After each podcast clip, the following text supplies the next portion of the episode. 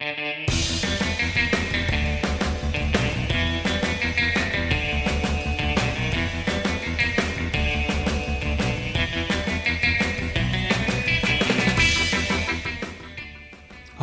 daar, welkom bij Studio Magic, de Nederlandstalige podcast over alles wat te maken heeft met Magic the Gathering. Mijn naam is Jeroen Koster. Mijn naam is Arjan Ang. En ik ben Dave Eigensen. Dit is aflevering 26 en hierin staat de nieuwste Magic set centraal, War of the Spark. Die komt uit op vrijdag 3 mei. Uh, we zitten nu ongeveer uh, anderhalve week voor de release. De pre-release is ook nog niet geweest, maar alle spoilers zijn al wel bekend. Dus we gaan vandaag de set bespreken. En ik denk dat we wel kunnen stellen dat het een hele opmerkelijke set is. Alleen al omdat hij maar liefst 37 Planeswalkers bevat. Ja, deze set zit echt bomvol met Planeswalkers. En er zal zelfs in iedere booster één Planeswalker zitten. Ja, dus hoe ze dat hebben opgelost uh, met uh, ja, al die Planeswalkers qua design, uh, dat gaan we zo meteen bespreken. Maar voordat we dat gaan doen, is het denk ik goed om eerst even wat context te geven. Oftewel, laten we het eerst even hebben over het verhaal dat deze set vertelt. En hoe Wizards dat verhaal aan de community onthuld heeft. Want dat was dit keer ja, best wel bijzonder. Ja, nou in het aanloop naar de spoiler season kregen we al een teasertje te zien. Uh, waarin we eigenlijk een beetje in een regenachtige setting uh, een uh, toren binnenvlogen. met glas- en loodramen. Met daarop te zien een aantal planeswalkers. Ik geloof dat er toen al iets van 36 planeswalkers zichtbaar waren. Dus toen ging de geruchtenmachine echt al helemaal draaien. Van dat er waarschijnlijk heel veel planeswalkers in deze set zouden zitten. Ja. Uiteindelijk kom je dan die, die toren kom je in en daar hangt een soort van, uh, uh, hoe noem je dat ook ja, weer? Kandelaar of een, uh, ja, een luchter, kroonluchter. Ja. Een kroonluchter inderdaad. met allemaal vlammetjes die dan allemaal uitgaan. Dus ja, het hele idee was van, oh jee, misschien gaan er wel heel veel planeswalkers dood in deze set. Ja, want planeswalkers hebben allemaal een spark. En als die dooft, ja, dan is de planeswalker dood. Is, is dat trouwens zo? Is het zo dat een planeswalker dood is en zijn spark verliest? Of kan je ook gewoon dan weer een normale normaal worden, zeg maar? Nou, ik zeg, dat is een goede vraag. Volgens mij als, uh, kan je alleen het, kan je Spark niet, volgens mij niet verliezen. Hmm. Nou, dat ik niet. Ja, je kan je Spark wel verliezen. Er, misschien komen we er zo nog op, want dat kan een belangrijke rol spelen in het verhaal. Maar in elk geval aan het eind van die trailer dan uh, zie je nog wat rook kringelen en dat vormt dan niet geheel uh, ontoevallig een soort van bolas horentjes. Ja, precies. Ja. En die gaat een grote rol spelen in deze set. Ja, dat uh, was toen inderdaad uh, de aanname. Er werd inderdaad druk gespeculeerd ook over de identiteit van die planeswalkers. Want doordat ze in, alleen maar in soort glas- en loodachtige art werden getoond... kon je ook niet helemaal met zekerheid zeggen wie wie was. Ja, Jace was wel herkenbaar maar, en uh, Liliana, maar er zaten ook allemaal andere nog heel onbekende planeswalkers ja, ik moet, ik moet, zeggen dat internet er wel heel erg goed in was om te herleiden wie wie was. Maar er waren inderdaad ook een aantal planeswalkers die volledig onbekend waren. Ja, en uh, ja, trouwens, uh, het was inderdaad in een soort van ja, kathedraalachtige uh, toren. Dus de oplettende kijker kon toen ook al zien dat deze set zich waarschijnlijk weer ging afspelen op Ravnica. Waar we nu al twee sets achter elkaar zitten. Dus dit wordt eigenlijk het derde, ja, de derde set die zich afspeelt op Ravnica. En uh, nou, dit was allemaal half februari ongeveer. En toen werd aangekondigd dat ze uh, rondom, wat was het ook weer, die PAX Invitational, dat hele grote toernooi, meer bekend zouden maken. En, eind, eind, uh, eind maart. Ja, dat was eind maart. Toen lieten ze voor het eerst een aantal kaarten zien. De eerste spoilers werden toen bekend. En er kwam ook een nieuwe trailer, de officiële trailer. En toen ging het eigenlijk helemaal los. Ja, dat is wel grappig, want we gaan het dus eventjes kort over die trailer hebben. Maar in onze voorbespreking bleek dat uh, Dave de trailer nog niet had gezien. Nee. Uh, nou, Jeroen en ik, althans ik was daar erg verbaasd over. Maar ik ook. het levert ook wel weer iets heel unieks op. Namelijk dat Dave nu voor het eerst naar de trailer gaat kijken. En dan vervolgens uh, live zijn reactie gaat geven. nou Dave, no pressure. Maar kijk nu even naar de trailer. Met gezonde tegenzin. Ik kan, hem, ik kan hem ook op de computer uh, aanzetten. Ja, ik heb hem hier al. Nou goed, de komende twee minuten die uh, knippen we eventjes eruit in de montage. En dan uh, horen jullie ons zo meteen terug. En dan horen we Dave's eerste reactie. Heb je geluid aan?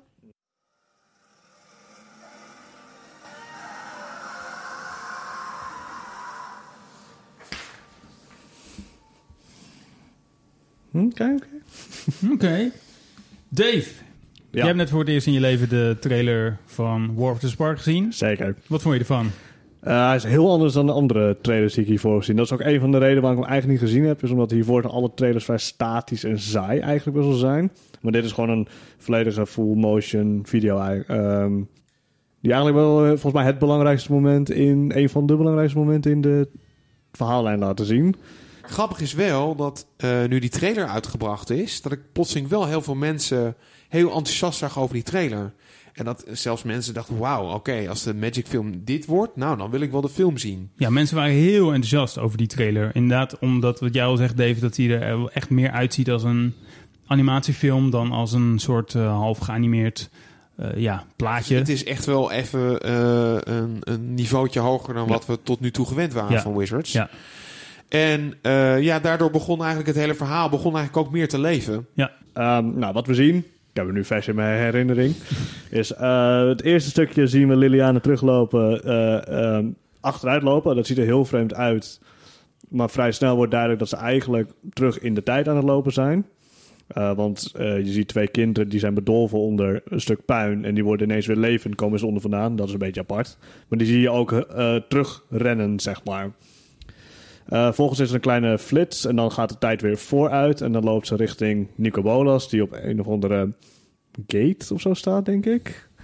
Ik weet niet precies of die gate in een, een bepaalde rol speelt. Uh, het is uh, Bolas Citadel. Ah, de Bolas Citadel. Ah, Oké, okay, ja, ja, die speelt zeker een rol, ja. En wat we ook nog zien is een horde zombies die op Gideon aan het inslaan zijn. De, de Dread Horde. De, de Dread Horde? De Dread Horde. Zo heet de zombie army? Ja. Alright. Uh, maar die stoppen op een gegeven moment nadat Liliane een bepaald commando geeft. En in plaats daarvan lopen ze richting Bolas. Wat dus betekent dat Liliana, die in principe voor Bolas werkte, dus Bolas verraden. Ja, uh, wat er volgens mij, maar Jeroenie heeft er waarschijnlijk ook nog een, een, een, idee bij. Maar wat denk ik wel belangrijk is om op te merken bij het filmpje wat we zien, is dat Liliana eigenlijk plotseling twee kinderen ziet. Mm -hmm. Die volgens mij haar erg doen denken aan haarzelf mm -hmm. en haar broertje. En uh, dat ze dan eigenlijk op een gegeven moment... Hoe is Liliana nou een planeswalker geworden? Omdat ze haar broertje heeft proberen te redden en dat ging mis. En uh, ja, dat was voor haar zodanig trauma dat ze daardoor planeswalker is geworden. En dit is bijna een soort van uh, reverse moment waarop ze dat nog een keer ziet. Dat ze nog een keer een meisje ziet die je broertje probeert te redden. Ja. En dan besluit ze eigenlijk, uh, want ze werkt eigenlijk voor Nico Bolas op dat moment. Ook niet helemaal vrijwillig. Want uh, ja, het is een beetje een lang verhaal. Dat denk dat we dat maar niet helemaal moeten behandelen. Maar Nico Bolas heeft haar in haar macht. En op dat moment besluit ze eigenlijk van... Het maakt me niet uit. Ook al, ook al maak je me dood. Ik ga gewoon... Uh, ik kies nu voor de tussen haakjes uh, goede kant. Ja. En dan stuurt ze eigenlijk het, een leger zombies die eigenlijk in opdracht van, uh, van Nico Bolas werken, die stuurt ze op hemzelf af. Oké. Okay. Ja, dat is wel ongeveer wat het verhaal is, ja. Zoals ik het begrepen heb. Ik zit even denken, moeten we nog wat achtergrond vertellen naar hoe we hier gekomen zijn uh, qua verhaal? Ik heb een idee dat ik ergens inderdaad wat voorverhaal mis van hoe zijn we tot dit punt gekomen. We hebben natuurlijk de vorige twee sets gehad die daar wel enigszins naartoe werkten, maar ik heb niet een enorme sprong hier uh, aan het maken zijn. Ja. Nou, ja, nou Jeroen die... Uh, nou, ik kan wel even proberen te los. vertellen naar, uh, wat hier allemaal aan vooraf ging. Want War of the Spark is dus een bijzondere set... omdat het eigenlijk de culminatie is van een verhaal... wat al over meerdere sets uh, verteld wordt... en waar Wizards dus ook al mee begonnen is met het ja, design daarvan... en het vertellen van dat verhaal. Een paar jaar geleden... En waar het eigenlijk op neerkomt is dat Nico Bolas... de grote, boze Elder Dragon Planeswalker... een soort meesterplan aan het uitvoeren is na jarenlang uh, Nico Bolas tegengekomen te zijn op allerlei planes, uh, blijkt hij nu op Ravnica te zitten. En daar is het nogal onrustig. Dus ene Ral Zarek, dat is ook een planeswalker, die zet een soort van beacon aan waarmee die een heleboel planeswalkers uit het hele multiversum naar Ravnica roept. Zo van jongens, jullie moeten komen helpen. Nou, komen dus een heleboel planeswalkers naar Ravnica toe. Maar dat is eigenlijk de grote, ja, val van Nico Bolas. Want die wil dus ook dat die planeswalkers naar hem toe komen om met hem te vechten. Omdat hij van plan is de Elderspel uit te voeren. Nou, het is een soort van ancient uh, toverspreuk die hij heeft opgetypt uh, in de krochten van Dominaria. En als hij die spel kan uitvoeren, dan kan hij eigenlijk alle sparks van alle planeswalkers die er op dat moment zijn, kan die overnemen en zo het machtigste wezen van het hele multiversum ooit ever worden. Dus een soort van godstatus bereiken.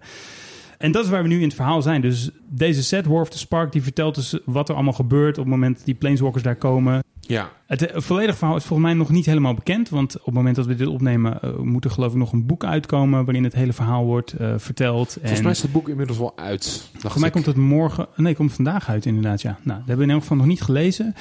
Nou ja, ik denk dat iedereen die naar de, naar de, spoor, of naar de, naar de spoilerlijst heeft gekeken, zeg maar de, de kaarten, Ja, je weet eigenlijk al een beetje, want eh, inderdaad, de, de, eh, de novel is pas vandaag uitgekomen. Maar eh, de kaarten die vertellen het einde van het verhaal al, al wel een beetje. Want we zien op een gegeven moment is er een, een, een witte kaart waarin we zien dat uh, Nico Bolas eh, ja, min of meer eigenlijk gevangen is gezet. Ja. Dus uiteindelijk winnen de goeie. Of ben ik nu te snel met deze conclusie? nee, uiteindelijk winnen de goede, maar er gaan ook wel mensen dood. Ja, eh, we gaan er snel heen, inderdaad. maar het komt er een beetje op neer dat Gideon... eh, Gideon die heeft een heel plan om eh Nicobolus te doden. Maar Nicobolus die schudt hem uiteindelijk toch van zich af. En vervolgens moet Liliana dus doen. En daar, dat is volgens mij wat we eigenlijk dan in die trailer min of meer zien. En dat kost Liliana... In principe zou dat haar leven kosten. Maar dan komt Gideon weer om de hoek kijken. En eh, ja, die, die neemt Offert zich op. Ja, die offert zich op. Er is ook een kaart in de set die zo heet. Eh Gideon's Sacrifice, volgens mij. Ja, En eh, dan is uiteindelijk Gideon die het loodje legt. sneu. Ja. Boe.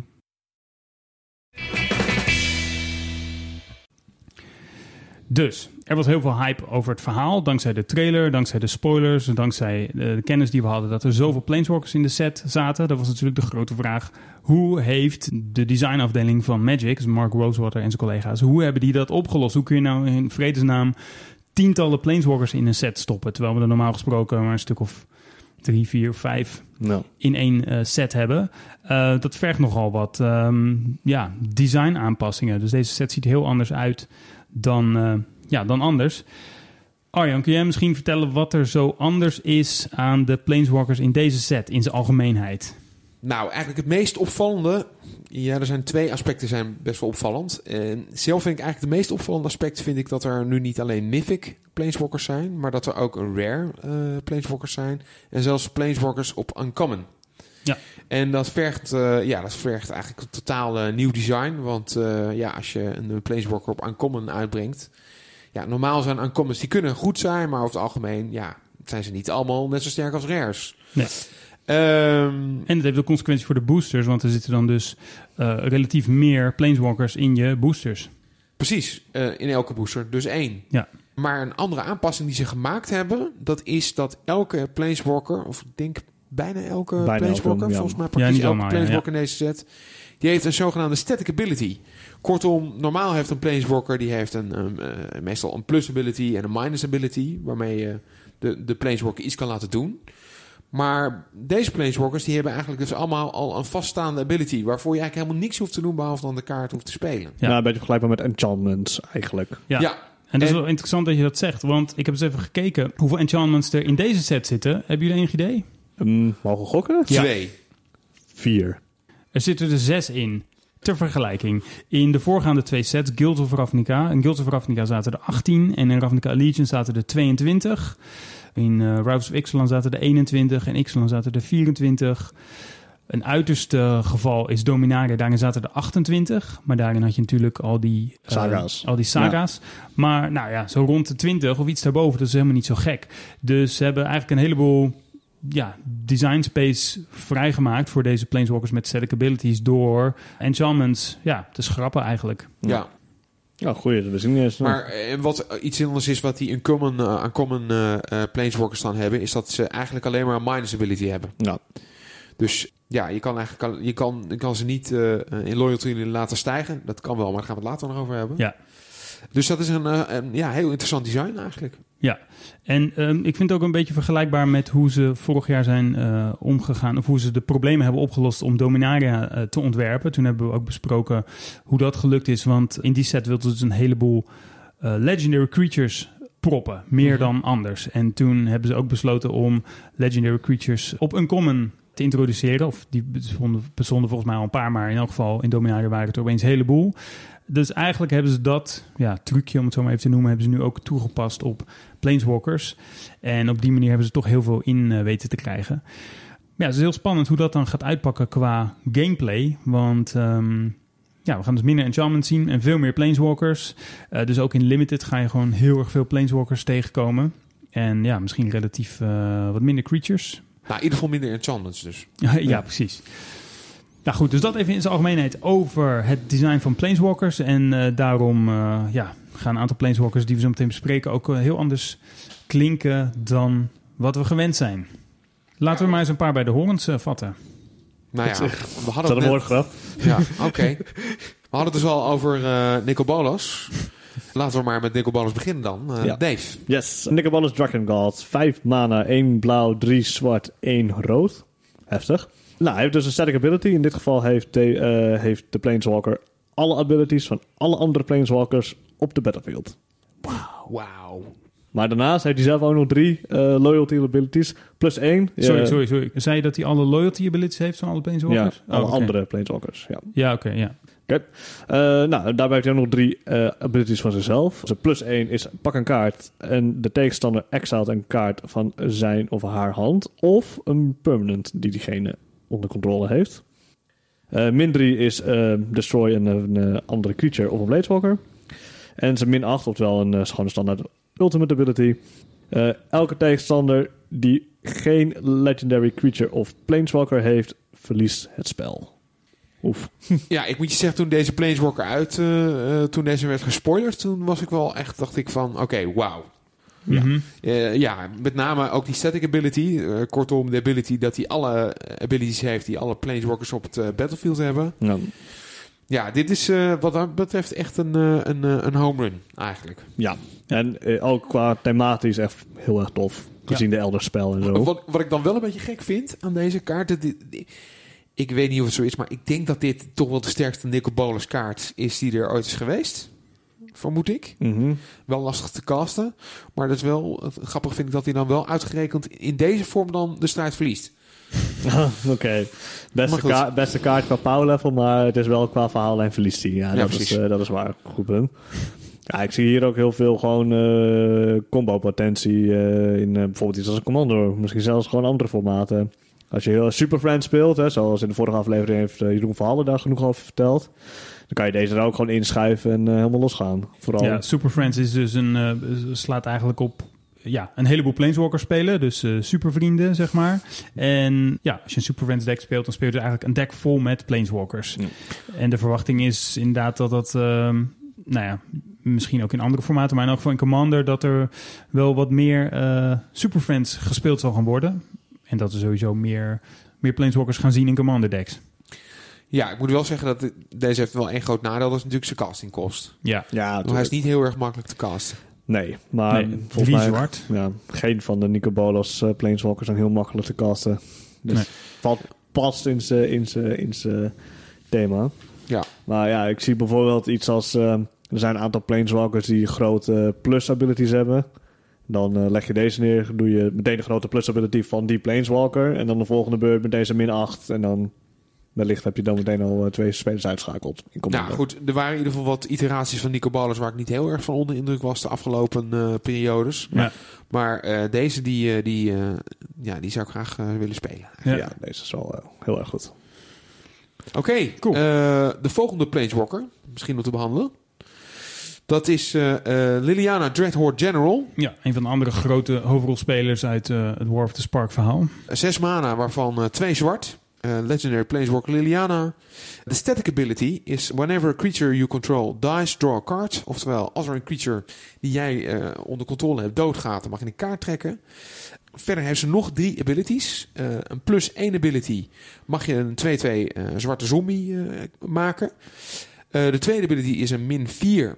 Elke speler die offert twee beestjes op. En de laatste ability die is min 9. En die zegt dat elke tegenstander moet een, uh, die mag een, uh, een permanent, of die moet een, uh, een, permanent kiezen die ze controleren. En de rest opofferen. En ze heeft een loyalty van 6 basis loyalty. Ja, kleine correcties. Je moet een permanent kiezen van elk permanent type. Dus één van je landjes, één van je creatures, één van je enchantments, noem maar op. En de rest offer je op. Ja. Dus, iets anders? Ja, hij zei volgens mij één permanent kiezen en de rest opofferen. Maar dan Oh, blijf je met één ding achter. Ja. Ja, wauw. Wat vinden we hiervan? Zes eh, mana, maar dan heb je dus wel eh, een hele brute planeswalker. Speelbaar Zeker. Zeker speelbaar. Even nadenken. in. Nou, vooral standaard, denk ik. eh, ja. Wat, ik- Ja. wat ik denk, ik denk inderdaad dat het een, een goede planeswalker voor standard is. Er zijn al mensen die een beetje vergelijking he- hebben gemaakt met Elspeth eh Zands Champion. Dat was namelijk ook een 6 mana planeswalker. Ja. Eh, en toen die eh, kaart uitkwam, toen dachten eigenlijk veel mensen... ja, 6 mana is gewoon te veel, hè? Mm. Ja. Eigenlijk het succesrecept van de Planeswalker is eh 4 mana en goede abilities of, of 3 mana. Maar deze kaart is wel echt heel goed. Ja. Ja, 6 mana is een boel, maar je krijgt er ook wel erg veel voor terug. Ja, Ja. Elspeth eh, neemt ook echt de game over als die op tafel ligt. Nou, dat zie ik bij deze ook wel gebeuren. Vooral ook ehm, omdat ze een, ja, een static ability heeft die bovendien ook nog eens heel goed samenwerkt met de min ability. Dus eh, met min 4 elke speler offert twee creatures op. Dus je kan het spelen in een deck waarin je zelf weinig creatures hebt. Maar zelfs als jij creatures moet opofferen, dan heb je ook nog eens het voordeel dat jij er kaarten van mag trekken. Ja, want wat deze kaart in ieder geval doet, is dat ze zichzelf eh, kan beschermen door een eh, zombie te maken. Ja. En als je dan moet jumpen, dus als je dan zeg maar eh, je zombie verliest, dan krijg je ook nog eens een kaart ervoor. Ja, ja. Dus dat is, eh, ja, ik denk dat het wel erg goed is. Ja. Ja. Ook voor Commander denk ik eh, een heel erg sterke kaart. Ik, ik zou eerlijk zeggen dat ik maar één kaart heb gepre-orderd.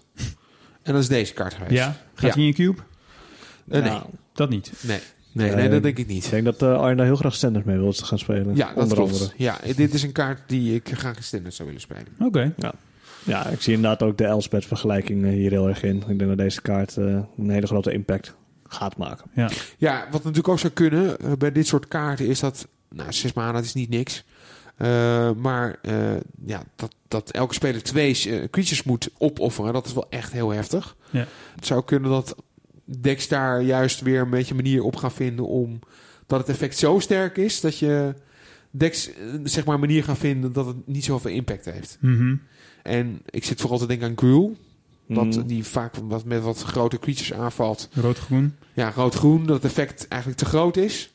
Maar goed, er zijn nog wat andere mogelijkheden, zoals Rekindling Phoenix en zo. Ja. Maar goed, ik, eh, ik, eh, ja, vooralsnog verwacht ik veel van deze kaart. Ja. Ja. spannend. Even kijken. Dan nog een Planeswalker. eh, Gideon Blackblade. Ook heel belangrijk in de ontknoping van War of the Spark.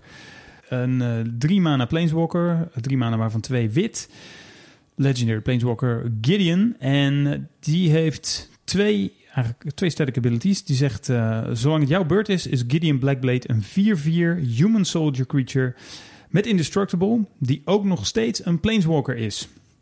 Verder, prevent all combat damage that would be dealt to Gideon Blackblade during your turn. Dus het is en een creature en hij kan geen eh, schade krijgen. En dan heeft hij ook nog eens twee loyalty abilities. De plus 1 is uh, up to one target creature you control gains your choice of vigilance, lifelink or indestructible until end of turn. Dus je mag uit drie abilities kiezen. Dat is inclusief zichzelf. Up to one other target creature. Oh, nee, het dat mag niet. Nee. Laat maar zitten. Nee. en min 6 is exile target non-land permanent. Wat best wel weer flavorvol is. Bijvoorbeeld Ja. een Nico Bolas. ja. Eh, maar hij begint met 4 loyalty. Dus je moet hem eerst wel een paar keer plussen. Of op een andere manier eh, Mhm. hogere loyalty geven. Voordat je de min 6 kan gebruiken.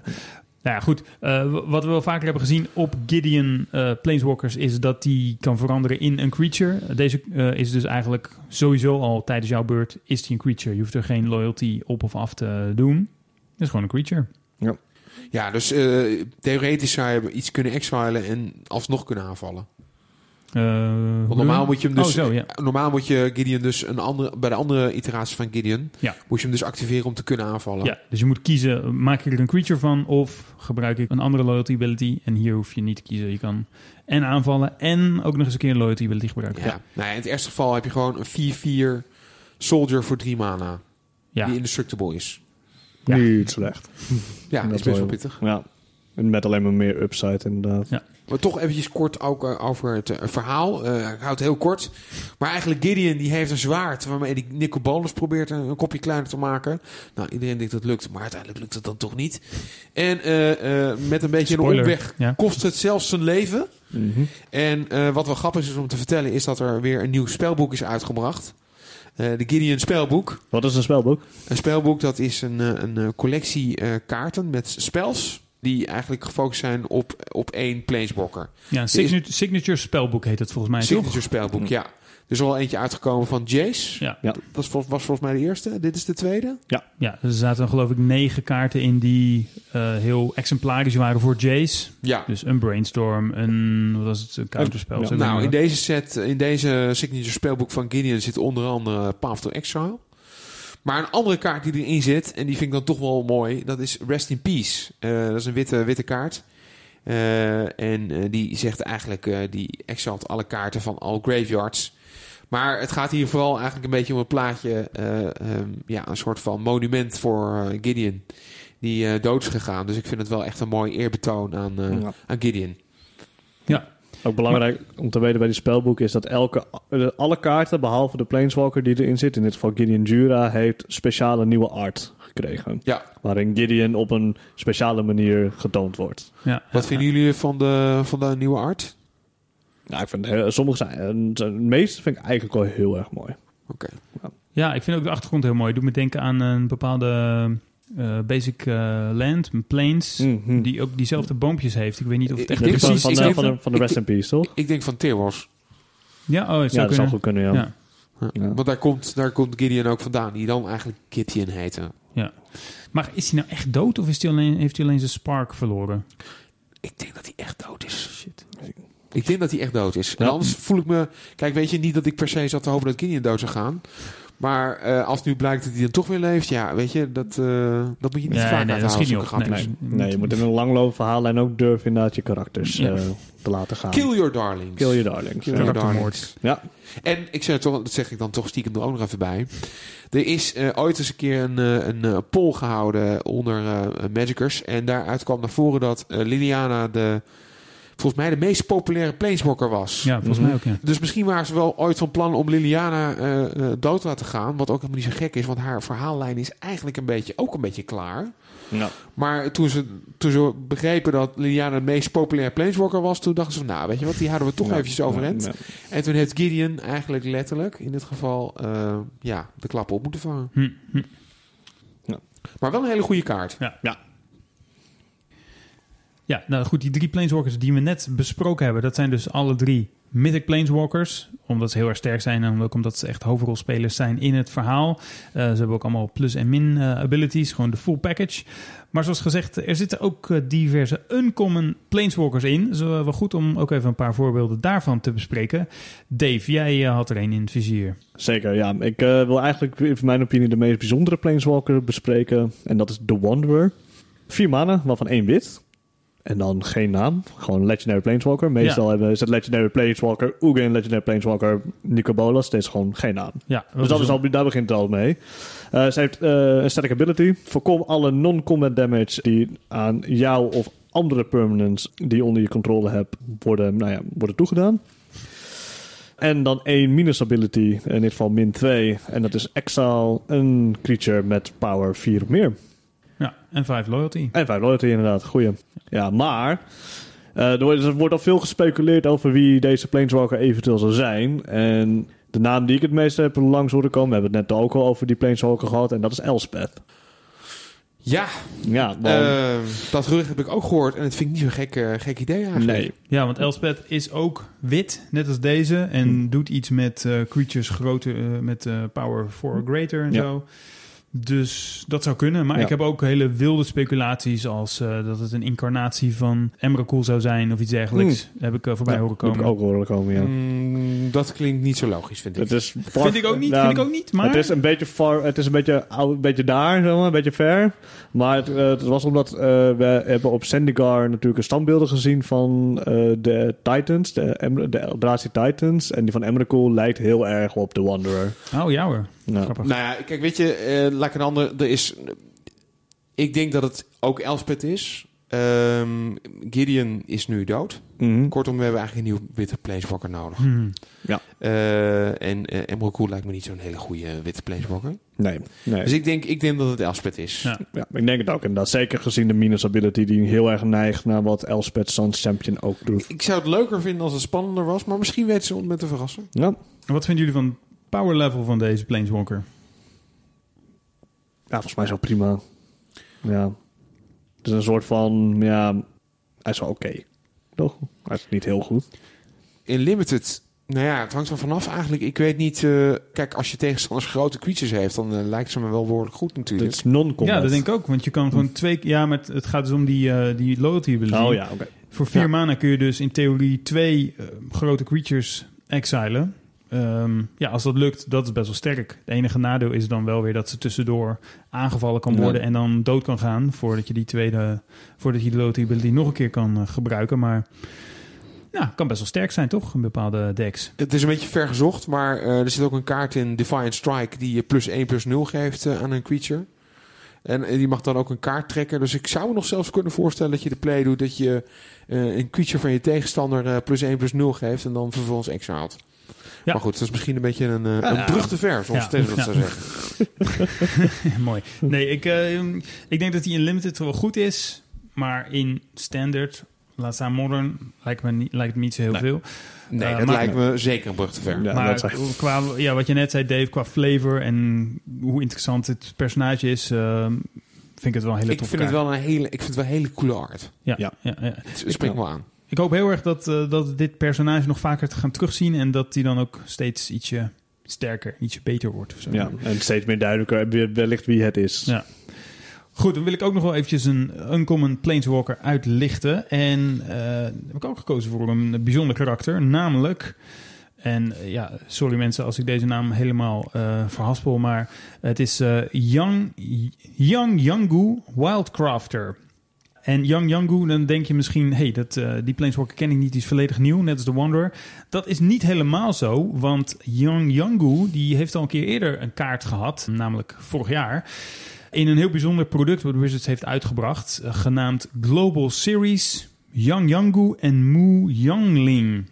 Nou, dat waren twee Planeswalker eh, ja, decks, of twee eh, decks waar dan Planeswalkers in zaten, eh, met allemaal nieuwe kaarten. En die waren helemaal volledig gericht op de Chinese markt. Dus het was een beetje ja, om Chinese spelers te pleasen, lekker te maken voor Magic, of om gewoon heel erg veel eh, geld te verdienen aan Chinese Magic-spelers. Maar in elk geval, ja, een opmerkelijk product toen. Eh, en een van die Planeswalkers, die eh, heeft nu dus weer een nieuwe kaart. Dat vond ik wel grappig, dat die dus ook eh, naar Ravnica is gelokt. Maar goed, wat doet die kaart dan? Het is een groene Planeswalker, kost drie mana, waarvan één groen. Legendary Planeswalker Yangu. Elke creature die jij onder controle hebt met een plus 1 plus 1 counter erop, die heeft de ability tap, add one mana of any color. Dus al jouw creatures met een plus 1 plus 1 counter veranderen in een soort Birds of Paradise. Ja. En hij komt in het spel met drie loyalty en hij heeft een min 1 loyalty ability die zegt: doe een plus 1 plus 1 counter op target creature. Dus eh, En, en wat dan wel grappig is om erbij te zeggen, is dat hij dus... Hij heeft eigenlijk een, een vaste, vaste partner, als je dat kan zeggen. Ja. Dat, is, dat is een hondje Movu. Ja. En die zit ook in de set. En eh, die heeft een eh, speciale ability. Die zegt namelijk, als hij een plus 1 plus 1 counter krijgt... dan krijgt hij er eentje extra. oh vet. Oh ja, dat is een andere, gewoon een legendary creature die ook in de set zit. Ja, precies. Leuk. Ja. Kun je die meteen eventjes eh, helemaal voorlezen? Oké, eh Mowu Loyal Companion. eh vier manen, waarvan één groen. Legendary Creature Hound. Trample Vigilance. If one or more plus one plus one counters would be put on Mowu Loyal Companion, that many plus one plus one plus one counters are put on it instead. Ja, dat laat zich niet heel erg makkelijk uitspreken. Is ook een Chinees hondje natuurlijk. Ehm, Zucht. ja, Maar waar ja, het feit op neerkomt is dus één, één, je krijgt altijd een extra plus 1 plus 1 counter. Toch? Precies. ik Ja. vind het wel een leuke Planeswalker eerlijk gezegd. Ehm, misschien wel leuker ook dan de Wanderer. En ook wel tof om een deck omheen te bouwen. En ja, ook wel goed denk ik. Met die, hoe duur is die eh, om te casten, die, eh, dat hondje? Vier. Vier, oké. Nou ja. Maar in welk formaat zit je dan te denken? Ja, oké, dan... Ja, we zitten aan te denken. Ja, casual, ja. Ik, ik, ik zit te Ja, denken, ik zit te denken aan keukentafel Magic. Oké. Waar helemaal niks mis mee is trouwens. Nee, Nee, precies. Want het is wel echt een heel leuk hondje. Ja, ik vind het een heel leuk hondje. Ik ben geen hondenmens, maar dit is een leuk hondje. Ja, als we gaan hebben over hondjes, gaan we dan ook hebben over, over een kat die in deze set zit. Oh, serieus? Ja, dat kan dat las ik- ook. Nee, nee, Oh. nee. Nee, de- nee, ik las vandaag een verhaal over een, een common katje. De lifelink kat. Ja, Oh ja, nee, oh eh, ja. Charmed Stray heet die. Ja. Ja, Eh, slechte kaart. We gaan het verder niet hebben over hoe goed deze kaarten, maar wel het verhaal erachter wil ik wel even eh, erachter hebben. Want deze Er komt zijn heel veel zijstraatjes nu, maar het maakt niet uit. Ja, Charged Ray is een, eh, een lifelink inderdaad. eh, katje, één eentje voor één witte mana. En wanneer die op de battlefield komt, mag je een plus 1 plus 1 counter leggen op een andere creature genaamd Charmed Stray. Eh, maar nou, dat is niet, eh, daar, daar gaat het niet om. Het gaat om de art. Eh, de artiest Chris Ron. Eh, zijn, zijn is volgens mij toch? Het Ja. Eh, Kat was eh, vlak, vlak voordat deze set in design ging overleden. En toen had hij een speciaal verzoek gedaan of hij een kunstwerk mocht maken in ter ere van zijn kat. En dat is deze art geworden. Ja hoor, dat Ja. is sympathiek. Mooi. Het- ik vind trouwens echt een hele mooie art ook. Ja, ja. Zo ja. Ik, ik vind Een het soort kat eigenlijk... met tegenlicht, toch? Ja, toen ik deze art zag, toen was ik eigenlijk een. Ja, ik zou eigenlijk willen dat de kaart beter zou zijn. Ja, ja. Maar Hm. goed, het blijft... eh, wie weet, misschien. Het blijft een, eh, in ieder geval een mooie art. Oké, goed. We hebben het over eh planeswalkers gehad. We hebben het over honden gehad. We hebben het over katten gehad. We gaan het zo meteen hebben over nog meer planeswalkers die in deze set zitten. Maar eerst denk ik eventjes goed om te bespreken welke mechanics er nog meer in deze set Ja. zitten, behalve planeswalker. Ja, er zitten daadwerkelijk gewoon mechanics in. Je zou het bijna nog vergeten. Ja, Ja. Nou, eh, zullen we dan maar beginnen dan met eh, eigenlijk de belangrijkste mechanic eh, gezien alle Planeswalkers. En dat is ook een terugkerende mechanic. En dat is Proliferate. Ja, wat doet Proliferate? Ja. Eh, proliferate zegt... Choose any number of permanents and or players, then give each another counter of each kind already there. Kortom, alles wat een counter heeft, krijgt gewoon nog een extra counter. Een beetje als het hondje van... eh, Dit, dit, dit is een mechanic die we eigenlijk al eerder hebben gezien in het eh, Scars of Mirrodin blok. Daarin zat de mechanic Infect, wat eigenlijk een soort van alternatieve manier is om damage te doen. Ik vond Proliferate toen eigenlijk al best wel cool, maar eh, het heeft niet zo heel veel play gezien in Constructed. En ik denk dat het in ieder geval ook wel bij casual spelers behoorlijk eh, populair was, Proliferate. ja nou, vorige week hebben we het er nog over gehad toen we eh, Commander decks bespraken. En het eh, Super Friends deck dus van Jeroen Verhallen. Eh, ja, het draait om planeswalkers en ook om Proliferate. Dus inderdaad eh, effecten die zorgen dat je eh, counters kunt vermeerderen die op diverse permanents en spelers liggen. Ja, ik vind het heel opmerkelijk dat ze Proliferate in deze set hebben gestopt. Ook Een hele spannende eh, keuze. Want eh, ja, goed, met zoveel planeswalkers kan Proliferate natuurlijk heel snel heel sterk worden. En ehm, ja, ik vond tot nu toe eigenlijk dat er niet zo heel erg veel Proliferate kaarten, echt goede Proliferate kaarten waren. Maar volgens mij gaat dat met deze set wel eh, ja, veranderen. Ja, er zitten in ieder geval een paar, zien een paar interessante planes of een aantal proliferate kaarten in. De eerste vind ik Karn's Bastion. Dat is een landje. Produceert één colorless mana. En eh, vervolgens kan je ook nog vier mana tappen. Vier ja, mana naar keuze. En het, het landje zelf. Om dan vervolgens te kunnen proliferaten. Ik vind het zelf wel eh, duur. Vier mana is niet niks. En eigenlijk is het vijf mana. Ja. Wat wel interessant is, is dat als je met eh, bijvoorbeeld met Teferi speelt, de oude Teferi, dat je dan twee mana mag antappen. Dus op die manier wordt het eigenlijk al een stuk goedkoper om eh, te proliferaten. En je kan het dan in je eigen beurt doen en in je tegenstanders beurt. Ja. Dus wat dat betreft eh, zie ik toch wel een klein beetje potentie voor deze kaart. Ja, ik denk ook gewoon een, een continue bron van Proliferate. Dat het deze kaartjes heel erg sterk maakt. Ja, Me- Meestal is dat het een, een, een, een af en toe, zeg maar. Er, komt, eh, er gebeurt een kaart, speel je, het doet proliferate. Dat is dan eenmalig, maar dit is gewoon continu. Wat, wat wel lastig is, als we het over standaard hebben tenminste, is dat colorless, een colorless mana source, ja, dat is gewoon echt niet gratis. Nee. Het is echt heel moeilijk om, eh, zeker als je ja, meer dan één kleur speelt, om een eh colorless eh, mana source in je deck eh, kwijt eh, te kunnen. Ja. Dus ik denk dat als deze kaart in standard gespeeld wordt en er komt niet een een of andere artefact eh, eh, set aan, Mhm. dan denk ik dat dit, ja, dat dit eigenlijk een one-off zal blijven. Ja, ik denk inderdaad eentje hooguit in een Planeswalker deck. That's it. Ja, dat zou kunnen. Waar je ook nog wel zou kunnen denken voor Modern, daar gaan we het zo meteen ook nog eventjes over hebben, is dat deze kaart misschien ook wel goed zou passen in Hardened Skills. Ja. Want daar kan je makkelijker met eh colorless eh mana sources spelen. Ja. Hardened Skills is dat enchantment voor één groen, waarmee je, eh, wanneer een counter ergens op gelegd wordt, of een plus 1 plus 1 counter gelegd wordt op een creature, Het, deck is, is voornamelijk colorless Ja. en het zit vol met counters. Ja, Ja. Het, counters. het enige plus probleem voor plus deck counters. is nog steeds wel vijf mana is toch wel erg veel. Maar ja. dat deck zou het kunnen permitteren. Ja. Ja. Maar die eh, doet dat alleen met plus 1 plus 1 counters, toch? Niet met charge counters en weet ik veel wat. Alleen met plus 7 zijn counters. Hardened skills. Ja, voornamelijk eh plus en plus één counters, ja. Heeft zeg Eh. maar, dat hondje wat we net bespraken heeft hetzelfde effect. Als hardened skills. Maar trouwens, met, met hard skills doe je ook infectschade mogelijk. En dan kan je ook proliferaten. Hè? Met hardened skills, oh, met het deck hardened Ja, skills. ja. Kan je ook effect Nee, dat is even belangrijk om dat gescheiden te houden. Je hebt dus de kaart hardened skills. Die vermeerdert plus 1 plus 1 counters. Maar die zit in het deck, ja, wat dan toevallig genoemd, vernoemd is naar die kaart. Ja, niet heel toevallig. Oké, niet heel toevallig.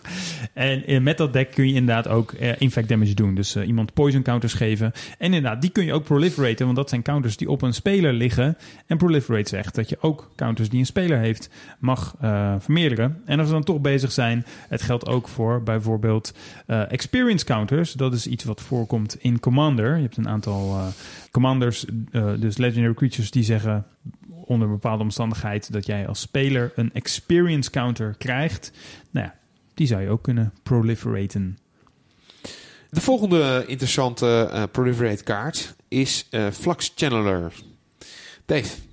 Eh Flux General, drie maanden, waarvan één blauw. Een human wizard creature. Wanneer je een non-creature spel cast, proliferate. En het is een 2-2 van zichzelf. En het is een uncommon. eh, Eh, oh ja, ook een goeie. Nou, dan wil ik er ook nog wel eentje eh, noemen. Dat vind ik een van de... to- Mm, vind ik, ik wacht, even- wacht, wat? Misschien nog even kort bespreken, deze kaart bespreken voor we doorgaan. Oh ja, ik ben zo enthousiast, jongens. Oké. Ja? Ja, ik, eh, ik denk, we- denk dat zeker in decks die veel planeswalkers spelen en gewoon veel counterspels bijvoorbeeld, dat deze daar eigenlijk best wel oké in past. Ja, want eigenlijk als je bijvoorbeeld één... Ja, goed, in deze set is het niet zo gek dat je meerdere planeswalkers in je deck hebt zitten. Stel je voor, je, je speelt een planeswalker, je speelt deze en je speelt nog een planeswalker, dan proliferate meteen die eerste planeswalker. Ja. Dat is misschien een beetje veel gevraagd. Maar toch, het is in ieder geval non-creature. Dus het is niet alleen maar sorceries en instants, waar je wel vaak aan denkt. Ja. Eh, maar ja, Artifact, enchantments ook. Nou, Ik misschien, misschien schat ik er dan helemaal verkeerd in, maar ik, ik, ik vind het toch, een- toch een beetje een feel bad als je dan deze hebt liggen en je cast daarna vol enthousiasme je eerste Planeswalker, dat die dan niet meteen proliferate, want die is nog niet in het spel, dus die krijgt Ja. nog niet een extra count, dus die profiteert er nog niet van. Dat vind ik dan toch jammer. Nee, ben ik met je eens. Ben ik met je eens. En eh, ik denk dat ook met name in limited, want ik denk dat dit overwegend een limited kaart is. Ja. Eh, niet vanwege de ability, maar wel vanwege het feit dat ze drie mana kost, wat dan toch best wel veel is. Ja. Mhm. Dat het in limited toch best wel lastig is om genoeg eh, non-creature spels te spelen. Ja, en ook nog even voor de duidelijkheid. Je kan dus alleen maar proliferaten. Eh, je kan alleen maar dingen proliferaten die al een counter hebben. Dus eh, als je die Flux General hebt liggen en verder helemaal niks waar counters op liggen, dan kun je niet zeggen: Oké, bij mijn eerstvolgende non-creature spel leg ik een plus 1 plus 1 counter op mijn Flux Channeler. Dat kan niet, want hij heeft nog geen counters. Ja. Dus dan kun je er ook niks mee. Dus je moet wel, eh, als je kaarten met Proliferate speelt, dan moet je, vergt het toch wel een bepaalde deckbuilding keuze. Dat je dus zorgt voor dingen die ook van zichzelf counters genereren. Maar goed, over Flux Channeler ben jij niet zo enthousiast. Over welke kaart ben jij wel enthousiast? Heel Nou, enthousiast. Leuk dat je het vraagt, Arjan. Een kaart die ik eigenlijk meteen te gek vond eh, toen die gespoild werd ehm, op het gebied van Proliferate is Evolution Stage. Ehm, wat? Mag ik die niet? eh? Ja, wel, maar ik dacht, Oh. eh, dat was eigenlijk mijn pick voor meest enthousiast. Ik dacht Oh, dat jij shit. een, een kaart had die totaal nog niet bij stond. Oh, nee. Niet nee. eentje Nee. die ik er al bij had gezet. Ik Nee. denk dat Evolution Stage zeker wel eh, een van de betere is, ja. Ja. Oké, nou wil jij hem noemen dan? Of, ehm? Nee, nee, ga maar. Maar ik was gewoon verbaasd. Ik dacht, er komt nog iets anders. We werken allemaal naar dit punt. Ehm, Evolution Sage. Drie manen waarvan één groen. Een elf druid. Een eh, 3-2 creature. En die zegt... Whenever a land enters the battlefield under your control... Proliferate. Oftewel, een soort landfall met proliferate. Dus eh, ja, elke keer als je een landje speelt... mag je proliferaten. Nou, mij lijkt dat dus behoorlijk sterk. Dat vergt vrij weinig eh, investering ehm, verder. Ja, behalve dus dat je counters op... eh, dingen hebt liggen. Maar een landje spelen, ja, dat doe je eigenlijk automatisch al. Daar hoef je niet je hele deck voor in te richten. Dus je hoeft niet aparte spels of zoiets te gaan spelen. Als je hem speelt in bijvoorbeeld Modern, ik weet niet of die speelbaar is in Modern trouwens, maar dan kun je dus ook met fetchlandjes kun je twee keer proliferaten. Ja, lijkt mij een heel erg leuk effect. Ja, er zit eh, jammer genoeg voor deze kaart geen evolving wilds in de set. Oh, dat is ja. een landje waarmee je dan eh, een ander landje kan zoeken meteen eigenlijk. Dus zij ja. meteen twee keer kunnen proliferaten. Ja, hele interessante kaart. Eh, zeker een kaart waar ik graag omheen zou bouwen. Zowel in limited en misschien wel in standard. Ja. Heel misschien modder, maar dat zie ik niet 1 tot 3. Het enige probleem van deze kaart vind ik wel een klein beetje dat het een 3-2 kaart is. Normaal zou je denken meer power beter. Maar ik, deze kaart had ik eigenlijk liever 2-3 gehad. Hm. Want als je veel wil, veel wil proliferaten, dan zou ik bijna zeggen, nou dan is het goed als de game maar langer duurt. Ja. Ja, en dan heb ik liever eigenlijk een creature die goed kan verdedigen dan eentje die goed kan aanvallen. Ja. Mhm. Goed punt. ja. Maar eh, heel enthousiast over deze kaart op zich, ja. Gaaf.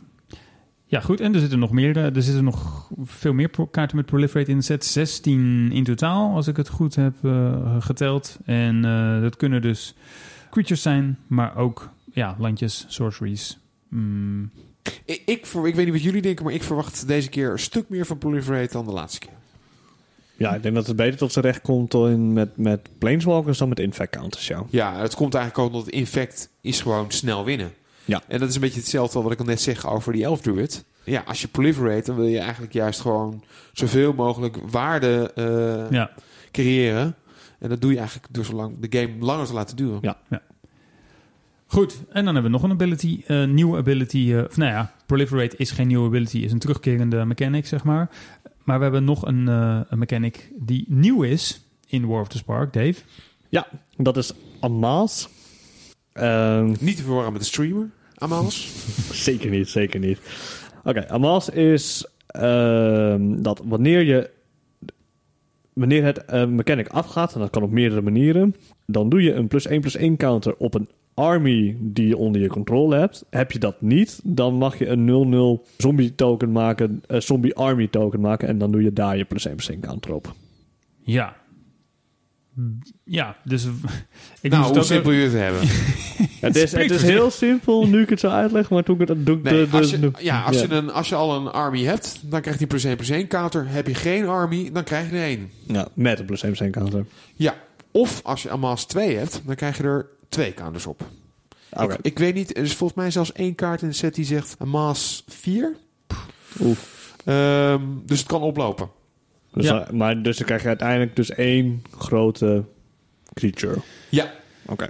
Ja, dat is natuurlijk meteen een beetje een flavorprobleem. Misschien hebben ze het wel. ehm, ik weet niet hoe Wizards dit eh, uitlegt eh, in het verhaal. Maar ja, bij een army denk je natuurlijk aan meerdere creatures, aan tokens of iets dergelijks. Maar hier is een army is dus gewoon één creature. En naarmate de army groeit, ja, krijgt hij meer plus 1 plus 1 counters. Omdat het army gewoon eh, groter wordt. Ja. Maar eh, armies worden in deze set in elk geval als één geheel gezien. Misschien omdat eh, al die planeswalkers zo ontzettend moeilijk verslaanbaar zijn en zo. Dat, ze dat een klein soldaatje erbij verbleekt. Maar ja, ik vind het toch een beetje raar. Een army eh, die gerepresenteerd wordt door één token. ja want eigenlijk in, in het verhaal wordt Ravnica helemaal overstroomd door ongelooflijk veel zombies. Ja. Ja, Ik denk dat misschien de reden dat ze hiervoor gekozen hebben... is dat als je heel makkelijk meerdere tokens maakt... dat het ook veel makkelijker wordt om de planeswalkers aan te vallen. Mhm, ja. En eh, als je één grote army hebt die je gewoon kan blokken... ja, dat je er toch wat meer value uit je planeswalkers kan halen.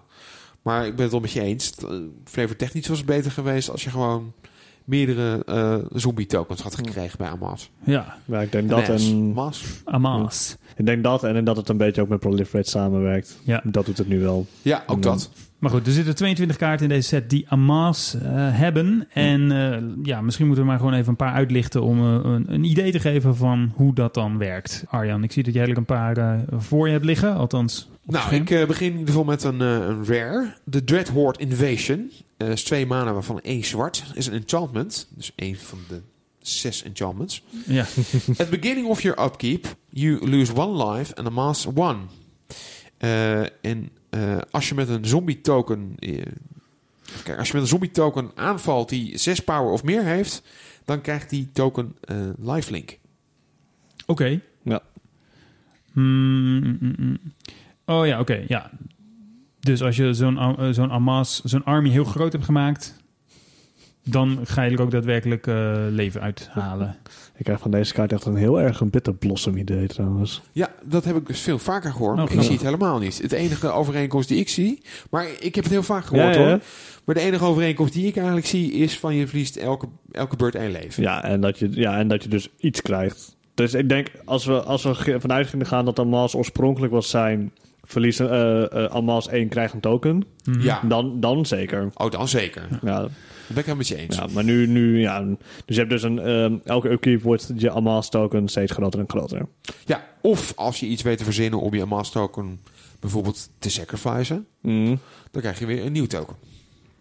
Ja, en als je lang genoeg wacht tot die heel groot is, dan kun je dat verloren leven ook weer terugkrijgen door aan te vallen. Ja. Maar goed, ja, in Modern gaat het denk ik niet gebeuren dat je dat Amas token eh vijf, zes beurten in het spel eh, hebt liggen. Nee, Mm, zeker niet. Wat, wat vinden jullie van deze kaart?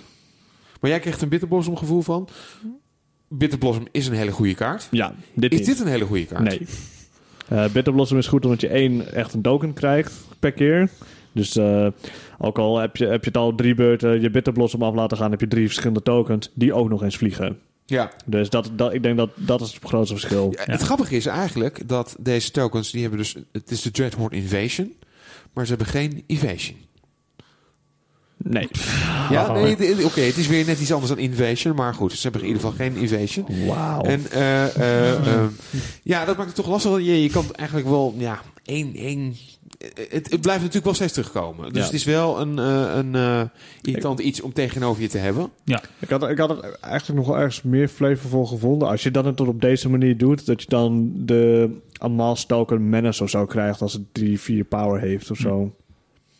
Ja, dus waarschijnlijk Ja, ook. ja, eh, Maar, eh, maar ja, hoe was ik van ja, mm, een beetje matig. Maar ik vind Amas ook een beetje matig. maar ja, ik moet je wel zeggen dat eh, eh, een commentaar die ik over gelezen heb, dat mensen er toch wel behoorlijk enthousiast over waren. Mhm.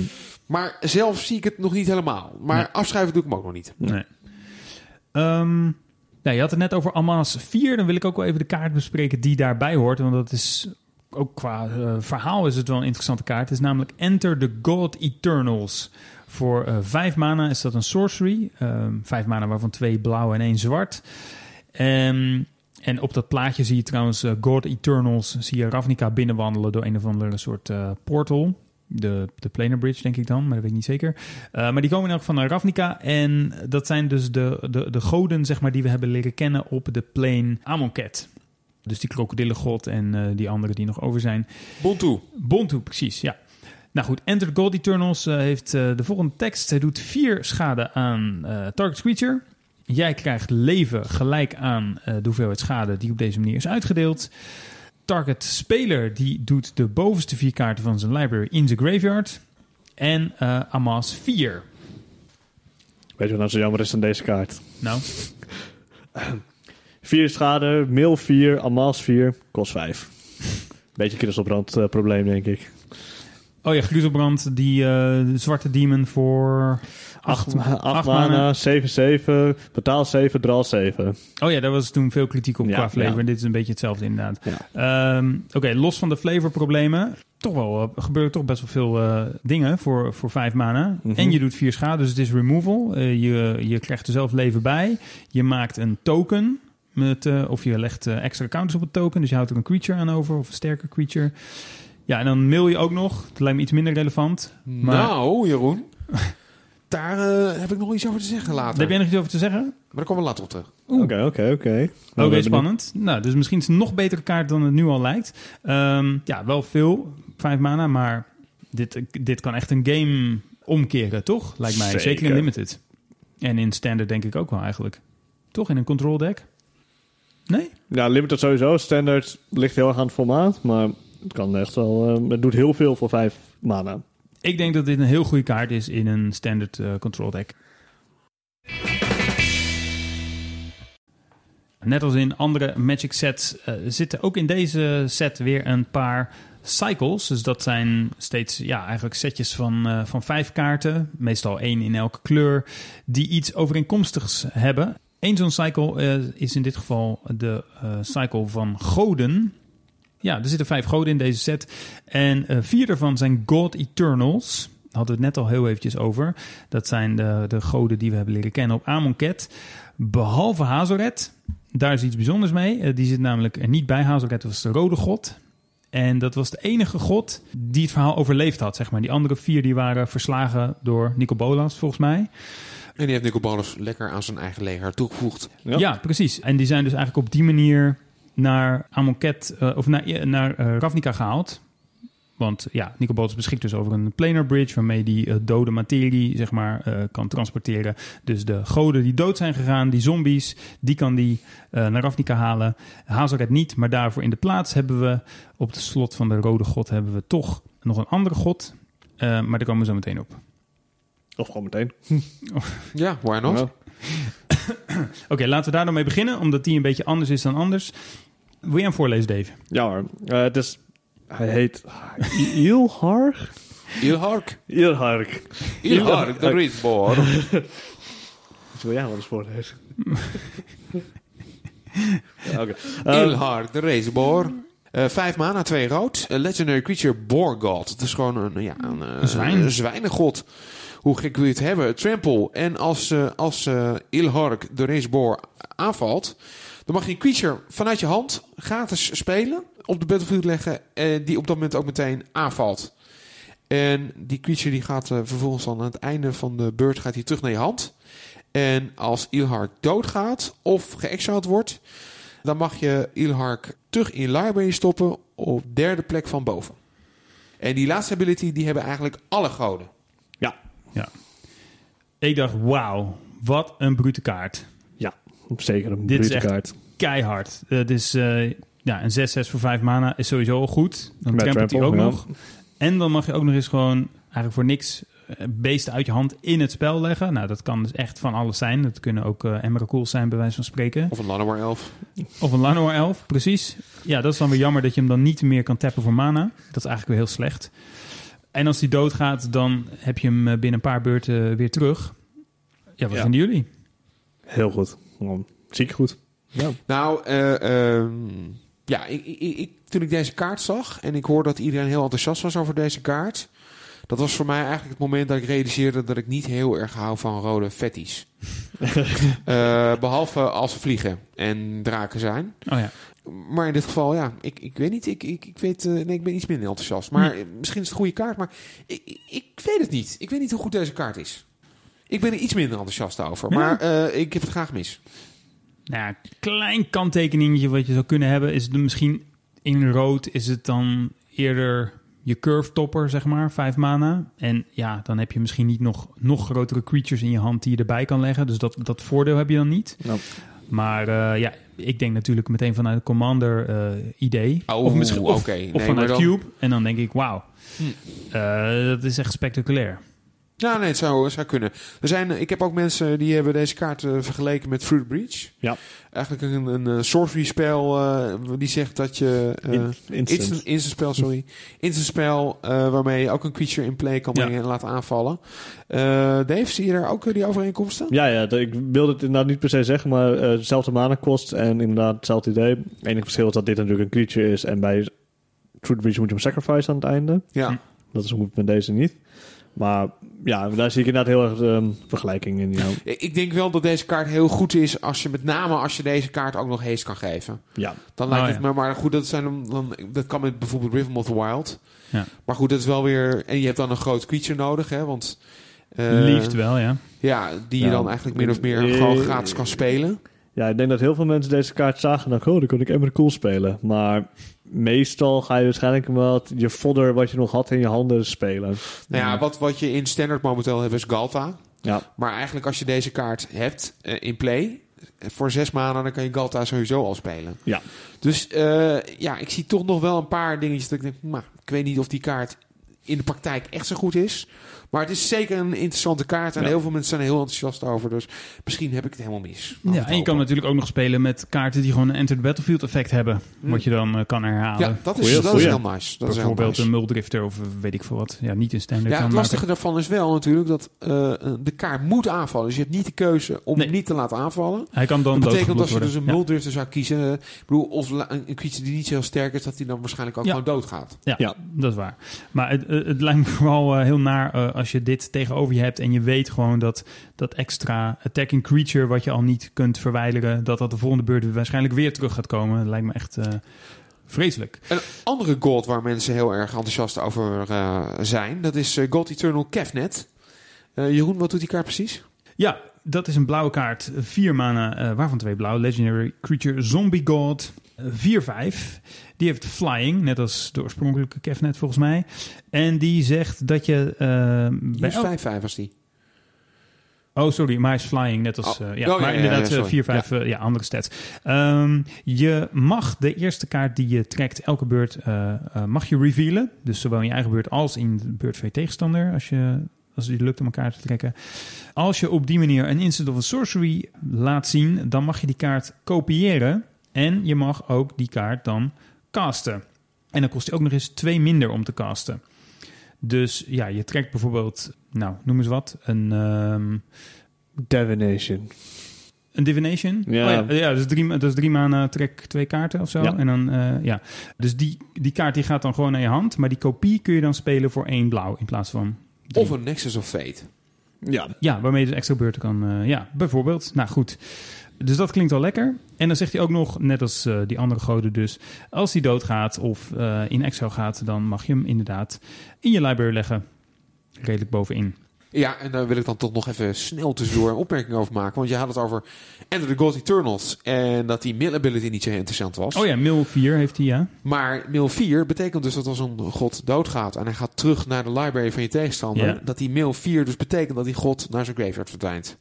Dus eh millen is in die zin misschien wel een van de beste manieren om van eh, goden af te komen. Ik denk zelfs eh, bij een van, de, een van de enige manieren. Dat is wel grappig. Dat, is wel, Mm. dat vind ik wel grappig bedacht, ja. Dus het is wel inderdaad jammer dat... Ja, als ik zo de stats bekijk... als je vier schade doet, zoals met Enter the Gold Eternals... dan krijg je eigenlijk geen enkele van die goden mee dood. Klopt. Ehm, We moeten heel hard voor werken. je moet er echt heel hard voor werken. En het is ook weer... Ja, ja goed.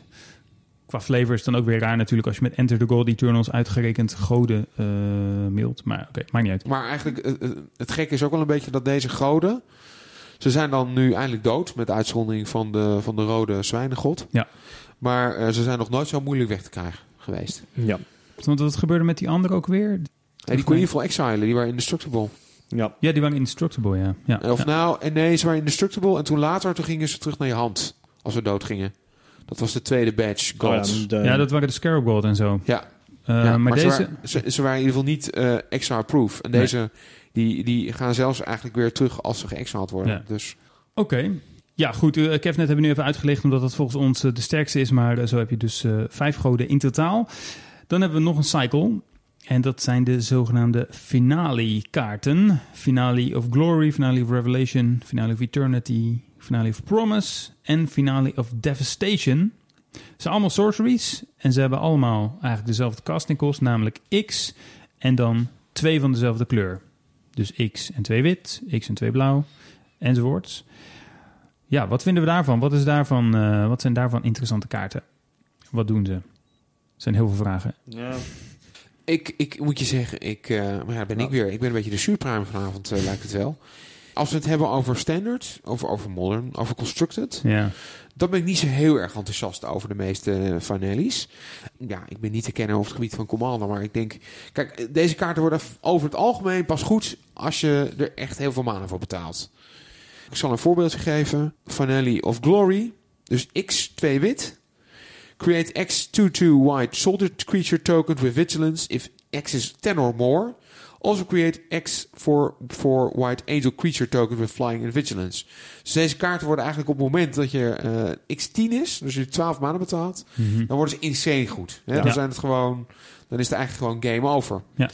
Maar ja, in de meeste, meeste eh, formaten zal je niet zo heel makkelijk aan 12 maanden komen. Nee. Ik moet wel zeggen, er is wat mij betreft één uitzondering. Dat is de Finale of Devastation. X2 groen. Sorcery dus, net als allemaal. Search your library and or graveyard for a creature card with converted mana cost X or less and put it on the battlefield. If you search your library this way, shuffle it. If X is 10 or more, creatures you control get plus X plus X and gain haste until end of turn. Ik denk dat deze kaart wel play gaat zien in, eh, in standard. Ja, het feit dat je eigenlijk gewoon... Ja, ik weet niet of jullie de kaart Green Sun Scene het nog kennen. Mhm. Ja. Dat is een kaart die je eigenlijk zegt eh, dat je eh, groene creatures mag zoeken vanuit je library. En dan moet je één groene extra betalen. Hier is het twee groen. Dat is wel ja, significant. Het lijkt maar weinig, één extra, maar het is gewoon twee keer zoveel.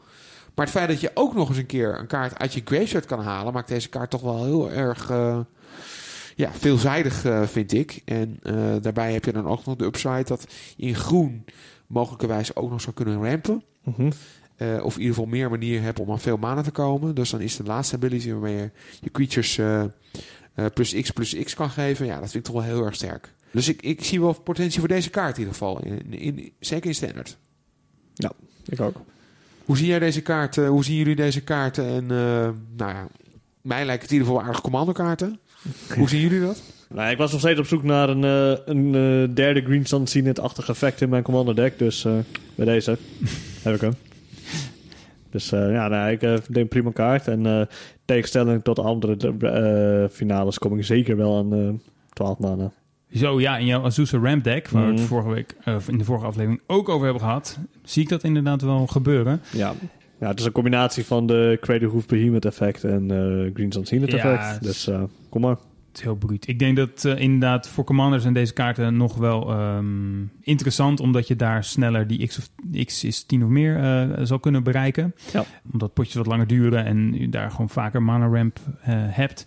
En verder voor constructed formaten denk ik dat je niet te veel moet blind staren op uh, die uh, X is 10 of meer. Dat je gewoon de kaarten moet beoordelen op, ja, gewoon de, de, de uh, dat X ik, is minder. Ja, dat ben ik zeker met je eens. Maar eigenlijk op basis daarvan vind ik ze dus niet heel erg goed. Nee, nee, nee, nee dat nee. klopt. Ja. Dus je, ze, ze hebben zeg maar een, een, de upside, nou ja, die is bijna niet haalbaar. Ja. En ja, gewoon face value, zeg maar, vind ik ze best wel matig met uitzondering van de groene. Ja. En die, trouwens denk mijn je ook... systeem zou ook de beste art heeft van de vijf.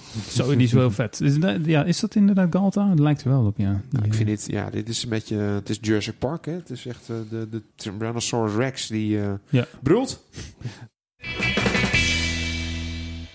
Bij het bespreken van uh, diverse kaarten hebben we al uh, een beetje laten doorschemeren wat we ervan denken in formats als Commander en Standard en een heel klein beetje in Limited. Uh, wat we nog een beetje buiten beschouwing hebben gelaten tot nu toe is volgens mij Modern. Dus laten we nu even een blokje inlassen waarin we het hebben over kaarten waarvan wij denken dat die potentie hebben in Modern. En dan kijk ik toch een beetje met een half oog naar jou, Dave. Ja, laten we beginnen met een landje. In ieder geval Blast Zone. Blastzone komt uh, into play, uh, enter the battlefield met een charge counter erop. Tapt voor één kleurloos. Um, dan heeft hij de volgende ability XX stap, stop X uh, charge counters op Blastzone. En voor drie uh, generiek en tap sacrifice uh, vernietig alle non-land permanents met converted mana kost gelijk aan de hoeveelheid charge counters op Blastzone. Ja, dus als je bijvoorbeeld twee mana erin draait en hem tapt, dan mag je er twee, uh, dan mag je er één charge counter opleggen, ja. want je hebt twee keer X betaald. X is dan één. En als je de vier maanden indraait, dan is X dus 2. En dan mag je twee charge counters opleggen. Zo werkt het, toch? Ja, ja. correct. Ja. Zo werkt het inderdaad. En deze kaart moet heel erg uh, denken aan Engineered Explosives in Modern. Die werkt een beetje hetzelfde, alleen dan met Sunburst, met de hoeveelheid kleuren ook. Ja, dat is uh, een artefact voor X. Ja. ja. Dus uh, daar doet hij heel erg aan denken. En ehm, ik denk zeker voor heel veel decks die misschien kleurloos zijn, maar wel een board wipe willen hebben, dat hij dan zeker interessant is. Ja, en uh, nou goed, ik weet niet of dat nodig is hoor. Maar uh, je zou hem ook nog kunnen zoeken op verschillende manieren natuurlijk, ja. dit landje. Ik bedoel, het is wel weer een uniek effect dat je gewoon zo'n landje hebt met zo'n effect. Dus ja. uh, ik vind het wel een bijzondere kaart. En grappig voor, voor standard. Oh, dat mag ik eigenlijk nu niet zeggen hè, in dit blokje. Dat hebben we gehad. Gepenseerd okay, station. Je kan het proliferaten. Dus ja. voor deze set ook toch interessant. Het enige wat deze kaart niet doet, wat nu wel uh, belangrijk is, dat hij geen tokens kan slopen. Aangezien hij al into play komt met een uh, charge counter. Ja, want tokens... Ik tokens ben nou dol op tokens. Kijk. Want tokens hebben inderdaad een manakost van 0. Ja. En uh, ja, deze kan alleen dingen slopen van uh, X is uh, van ja, het aantal... Minimaal 1. Ja, minimaal 1 dus. Dus je moet een manier vinden dan, als je dat zou willen doen, om die charge counter ja. eraf te halen. Dat lijkt me wel een beetje veel werk. Dus hij is prima, maar niet fantastisch. Nee. Nou, de volgende kaart uh, die ik eigenlijk wel uh, graag even wilde bespreken, als, uh, als dat goed is. Mm, ga je dat is Karn, the Great Creator. vier colors mana. Legendary Planeswalker Karn. En zijn static ability is Activated abilities of artifacts your opponents control can't be activated. Eigenlijk gaat het me... En deze, deze Planeswalker doet nog twee andere dingen. Die zal ik ook even voorlezen. Maar ik vind die static ability met name heel erg Mhm, interessant. mhm. Hm. Eh, de plus 1 ability zegt... Until your next turn, up to one target non-creature artifact becomes an artifact creature with power and toughness each equal to its converted mana cost. Kortom, je kan eigenlijk gewoon een artefact eh animaten. En eh, ja, Ja. Een, een artefact die twee mana kost, die, dat wordt een 2-2'tje. En de minus 2 ability is... You may choose an artifact you own from outside the game or in exile. Reveal that card and put it into your hand. En eh Carney heeft een eh, loyalty van 5. Maar goed, eh, we hadden eigenlijk altijd al Stony Silence. Mhm. Best wel een belangrijke sideboardkaart in Modern. Alleen het hele interessante van deze kaart is... is dat hij eigenlijk alleen maar voor je tegenstander werkt. Ja. Dus bij Stony Silence was het zo van... nou, ja, als je zelf artifacts hebt, dan werkt het niet meer. Maar in dit geval nog steeds wel. Dus ik denk dat deze kaart best wel eens play zou kunnen gaan zien in Modern. Ja. En dan kom ik weer... we hebben het er al even kort over gehad... maar.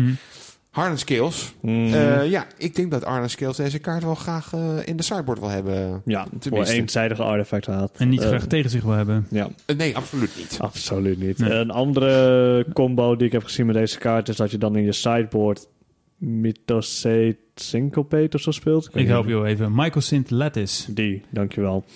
Eh die zorgt ervoor dat alle landjes artifacts worden. Of alle permanents. Alle permanents alle worden permanents artifacts. worden artifacts, Of inderdaad. Ja, en eh, die werkt dan weer heel erg goed samen met de static ability, waardoor dus ook de landjes niet geactiveerd meer mogen worden. Ja, Oh, ik, zal even, ik zal hem even voorlezen voor de volledigheid. Michael Sint Lattice is een artefact voor 6 mana. Eh, alle permanents zijn artifacts eh, naast hun eh, na- andere types. Eh, alle kaarten die niet in de battlefield liggen en ook spells en eh, permanents zijn kleurloos. En eh, spelers die mogen mana eh, uitgeven alsof het mana van elke willekeurige kleur was. Ja. Nou, en dan gaat het natuurlijk vooral om die bovenste eh, ja, static ability. Eh, alle permanents zijn artifacts, dus inderdaad ook landjes. Dus ook bijvoorbeeld eh fetch landjes, waarmee je ja, andere landjes kan... eh, Elk zoeken. landje. Elk landje gewoon. Eigenlijk elk landje, ja, Ja. precies. Maar, maar eh, ja... eh, Dus- dus vrij vertaald, geen landje mag oh, je mag geen landje meer... Nee. Ja, precies. Dat is het. Dus eh, ja, ik denk dat zeker deze kaart ergens impact gaat maken, zeker in Modern. Ehm, ik weet nog niet per se in welk deck. Er wordt al wel flink gebruwd online. Voordat iemand gaat zeggen, waarom wil je er niet in Tron spelen? Ik denk niet dat hij daar goed in past. Nee, ik wil hem tegen Tron spelen. wil hem zeker tegen Tron spelen. Nou, even, even. Ja. Ja, zes mana is ook wel veel, wat uh, Michael Sint Lattice eh, kost. Oh, oh Card of Carne. Ja, ja, Ja, oh, ja, nee, oké, oké. ja. Maar Mix in Let's kost eh 6. Ja, deze kaart, uh, Mix in Let's is ook uh, ge- gespiked in prijs. Nadat uh, Karn, de Great Creator, gespoild werd. Want ja, mensen willen inderdaad die combo spelen. Nou ja, ook weer in Commander is dit wel een, uh, iets wat mensen zouden kunnen gaan spelen. Als je, als je inderdaad echt uh, de tafel boos wil maken, dan uh, doe je ja, dat op dat is heel vervelend. ja. Dan gaan we door naar de volgende kaart. Dolphins Veto. Ja. Eén wit, één blauw. Een instant. Deze spel kan niet gecounterd worden. En counter een non-creature spel. Oftewel een negate die niet gecounterd kan worden. Lijkt me een dikke prima. Ja. Ja, interessante kaart. Eigenlijk, uh, ik, ja, het is een beetje moeilijk voorspel. Maar het, het is gewoon een, een, unieke counterspel. Ja. Ik vind het een beetje lastig op voorhand uh, wat deze kaart precies in modder gaat doen. Ik kan me in ieder geval voorstellen dat het een, uh, een sideboard kaart is voor bijvoorbeeld de, de, de Azorius control decks. Ja, gewoon control mirror inderdaad. Blauw-wit, ja. Wat ik eigenlijk ook wel grappig vind is, ik, ik weet niet hoe jullie deze kaart zien, maar ik kan me best voorstellen dat deze kaart gewoon echt heel lang play gaat zien. Er is er ook een uh, speciale FNM-versie van gemaakt trouwens, met uh, art. Top. En uh, in die zin vind ik het ook wel grappig dat uh, Dovin heeft eigenlijk niet echt een, uh, een, een, een lasting uh, expression, hoe, hoe, zeg, hoe moet dat, kan ik beter zeggen? Heel veel Hij heeft geen gemaakt. blijvende indruk gemaakt. Nee. De, we hebben twee Dovin-kaarten gezien. En, en volgens mij gaat Dovin dood ook. Volgens mij is dat ook een van de planeswalkers die het, het loodje legt. Nou goed, misschien is het nieuws. Misschien. Uh, uh, Oké, okay, laten we het nog even niet weten. De ouders van, uh, van Dovin. Er is niks met Dovin aan de hand. Maar mocht dat toch zo zijn. Nou, dan, dan is deze kaart toch een mooie legacy van Dovin. Dat er toch één kaart is. Toch nog een goede Dovin Waar kaart. we Ja. altijd aan blijven Ja. zullen denken. Oké. Ja. Door, aan Dovin. Ja, en dan nog even een zijstapje. Dit is dus Dovin's Veto. En inderdaad, Dovin is een planeswalker. En eigenlijk alle planeswalkers die in War of the Spark zitten... die hebben zo'n signature spel. Dovin's Veto is dat dus voor Dovin. Maar je hebt ook bijvoorbeeld eh Domri's Ambush. Je hebt Tamio's Epiphany. Je hebt T-Bolt's Razor. Je hebt Obnixilis Cruelty, enzovoort, enzovoort. Dus uh, voor al die 37 planeswalkers heb je ook 37 signature spells waar je naar kunt uitkijken in War of the Spark. Nou, dan hebben we nog één kaart over in dit eh, blokje. En eh, ja, sommige mensen die zullen al misschien hebben gedacht... wanneer gaan ze het eindelijk over die kaart hebben? Hmm. Want er is één rare in de set. En die is op dit moment de na duurste kaart in de set. Ondanks dat het slechts een rare is. Eh, welke kaart is dat, eh, Dave? Dat is de Very Time Traveler. Weer Teferi? Weer een Teferi. Nou, Maar- zeg maar. Nou, drie mana. Daar begint het al mee. Ja. Waarvan eh, één wit, één blauw. Eh, met een static ability. eh, elke opponent mag alleen maar spells casten in zijn of haar beurt. Oftewel als een sorcery. Dus dat, dat, daar dat is al, klinkt al goed. Plus 1. Tot je volgende beurt mag jij als speler sorcery spells casten alsof ze flash hadden. Oftewel gewoon als instants. En de min 3 is keer een artifact, een creature of een enchantment terug naar de hand van de eigenaar en pak een kaart. Gaat voornamelijk denk ik om de static ability dat je tegenstander dus alles op sorcery speed moet gaan spelen. Daar word je al heel goed van. Het is een drie maanden, eh, drie maanden planeswalker, voor 4 loyalty overigens. Ja, Ja. wat ook wel stiekem interessant is aan deze kaart... is eh, wat jij zegt van... eh, je mag alleen nog maar dingen casten in je eigen beurt. Maar ook in je eigen beurt... Ik bedoel, sorcery... Je kan in bijvoorbeeld je upkeep... kan je ook geen sorceries casten. Nee. Dus deze kaart werkt ook heel erg goed tegen suspend kaarten. Oeh, ja. Als, je een ancestral, als jij een, jouw tegenstander een Ancestral Vision eh, heeft die afgaat... Als jij te veel op eh, tafel hebt liggen, dan eh, gaat het feest niet door. Nee, dan wordt dit dus gecounterd. En voor maar drie mana. Nou, en ook met een redelijk goede min ability. Dus ja, ik denk dat deze zeker impact gaat maken in Modern. Ik weet nog niet hoeveel. En of die meer gespeeld... Er gaat zeker niet meer gespeeld worden dan zijn grotere Teferi variant. Mhm. Hero of Dominaria, die is wel beter, denk ik. Maar dat hij drie manen is en, eh goeie, en eh, relevant abilities heeft, dat, eh, ja, dat telt hard mee. Ik moet je eerlijk zeggen, deze kaart op het moment dat we het erover hebben, die is iets van 14 euro of zo. Dat is voor een rare echt heel veel. Mhm. Ehm, ben ik te pessimistisch als ik zeg dat dit een, een one or two of in de sideboard is? Van een eh, blauw-wit control deck? Of is de toekomst voor Teveri deze Teveri positiever? Ehm, ik denk dat je daar wel een goed punt hebt. Ja, sideboard hooguit. Op dit moment. Eh, het is een goede kaart tegen wederom weer de mirror. Net zoals de vorige kaart. Ik, ik denk dat het een goede kaart is, maar ik denk dat die momenteel wel een beetje overschat wordt. Als ik naar de, naar de prijswaardering kijk tenminste. Ja, dat denk ik ook. Is wel heel erg gehyped inderdaad, ja. Oké. Dat waren alle modern kaarten. Yes. Zeker. Dat waren alle modern kaarten waar wij op dit moment denken dat die eh, impacts kunnen gaan maken Ja. in het formaat. Oké, nou, er zijn ook nog wel een paar kaarten waarvan ik eh, speelbaarheid zie voor het Commander-format. Een aantal ervan, het zijn er trouwens best wel veel in deze set, moet ik zeggen. Eh, en een aantal daarvan hebben we ook al besproken, zoals Ilhar, de Raceboar, uh, Nicobolus Dragon God natuurlijk, uh, Blast Zone, Liliana Dreadhorde General, uh, ook Karn the Great Creator, met die, met die combo met uh, Michael St. Lattice eventueel. Maar ook een paar die we nog niet besproken hebben. Uh, een daarvan is uh, Feather the Redeemed. Dat is een uh, Legendary Creature Angel voor drie mana. En één daarvan is rood en de andere twee zijn wit. 3-4 flying. En die zegt: uh, Whenever you cast an instant or sorcery spell that targets a creature you control, exile that card instead of putting it into your graveyard as it resolves. And if you do, return it to your hand at the beginning of the next end step. Dus als je uh, ja, Instant of Sorcery speelt op je eigen creature, dan uh, krijg je ze weer terug en dan kun je ze nog een keer casten. Hm. Nou, best wel een bijzonder effect. En uh, ja, Boros is in Commander traditioneel gezien niet de allerpopulairste kleurencombinatie, want het is nou eenmaal niet de allerbeste. Heeft een beetje moeite met card advantage en dergelijke. Ik zou nog iets anders kunnen bedenken. Dat het, kijk, rood-wit is best wel een agressieve combinatie. Ja. En als je iedereen meer leven heeft en je speelt tegen meerdere tegenstanders, dan wordt het heel moeilijk om de game naar je toe te trekken. Klopt, dat is uh, inderdaad ook een van de redenen. Uh, en van Feather the Redeemed hopen mensen nu dat dit uh, ja, toch wel weer een van de weinige echt goede commanders zou, zou kunnen zijn. ja, omdat die echt een heel bijzonder effect heeft en ook ja, toch een bepaald soort kaartvoordeel heeft. Want ja, kaarten die je speelt op je eigen creatures, die kun je daarna nog een keer spelen. Dus dat zou wat kunnen gaan doen in Commander. Ja, ik denk wel een goede kaart inderdaad. Ja, de, de, in, zeker als je agressief speelt en gaat allemaal um, je creatures oppompen, dan krijg je ze gewoon weer terug. Dan kan je het gewoon nog een keer doen. Ja, precies. Goed, dan eh, een andere kaart voor eh, Commander. Casualties of War. Zes mana, waarvan twee zwart en twee groen. Dus een echte Golgari kaart. Een sorcery. En eh, die heeft eh, vijf modes. Nou ja, eigenlijk nog veel meer modes. Want hij zegt choose one or more. En dan dus vijf eh, dingen waar je uit kan kiezen. Destroy target artifact, destroy target creature, destroy target enchantment, destroy target land of destroy target planeswalker. Dus eh, vijf verschillende dingen en je mag elke ervan mag je één keer eh, kiezen. Dus ja, in potentie is dat gewoon een 5 for 1, vijf verschillende dingen slopen. Ja, het hoeft niet. Weet je, als er eh, geen enchantment ligt, hoef je geen enchantment te, te Wat ik, wat ik vooral eh, als niet-commander speler, moet ik erbij Mhm. zeggen, eh, grappig vind aan deze kaart, is dat hij eigenlijk, eh, hij geeft je heel veel mogelijkheden om politiek te bedrijven. Ja, Zeker. Want eh, ja, je kan iemand, één iemand gigantisch te grazen nemen, tenminste als hij dan een planeswalker of ja. enchantment heeft. Of je kan het een beetje verdelen. Eh, dus ja, ik, ik zie wel, in die zin lijkt het wel inderdaad een fascinerende commanderkaart. ja, ja. Nou, dan deze Commander kaart zeker een hele leuke discussies op de tafel gaat brengen. En het is al gewoon een goede kaart. Ja, ik vind eh, het een ontzettend goede removal. Ja, zes mana is wat veel. In commander ook?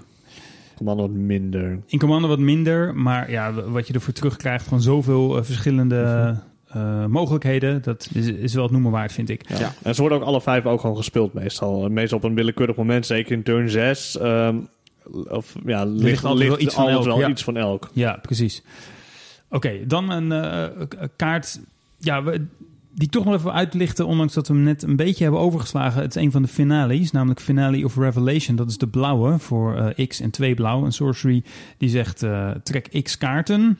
Dus nou, bijvoorbeeld voor 4 mana trek je twee kaarten. Maar als X eh 10 of meer is, dan in plaats daarvan schud je je graveyard in je library. Dan trek je die X kaarten. Dan untap je vijf landjes, of up to 5 lands. En je hebt voor de rest van het spel geen maximum hand size. En dan moet je eh, Finale of Revelation wel exilen. Dat is een clausule die die andere finales volgens mij niet eh, hebben. Correct. Ja, dit is de, denk ik toch ook wel heel erg sterk in eh, Commander. Ehm, in een goed control deck, waar eh, sowieso Commander potjes duren, dus zoals gezegd eh, vaak wat langer.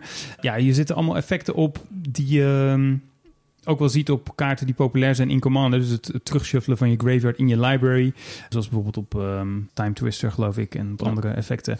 eh, of op andere kaarten. Het untappen van eh, landjes. Dus eigenlijk ja, speel je hem dus voor een, voor een deel gratis, of misschien wel voor de helft gratis als je, als je deze kaart speelt.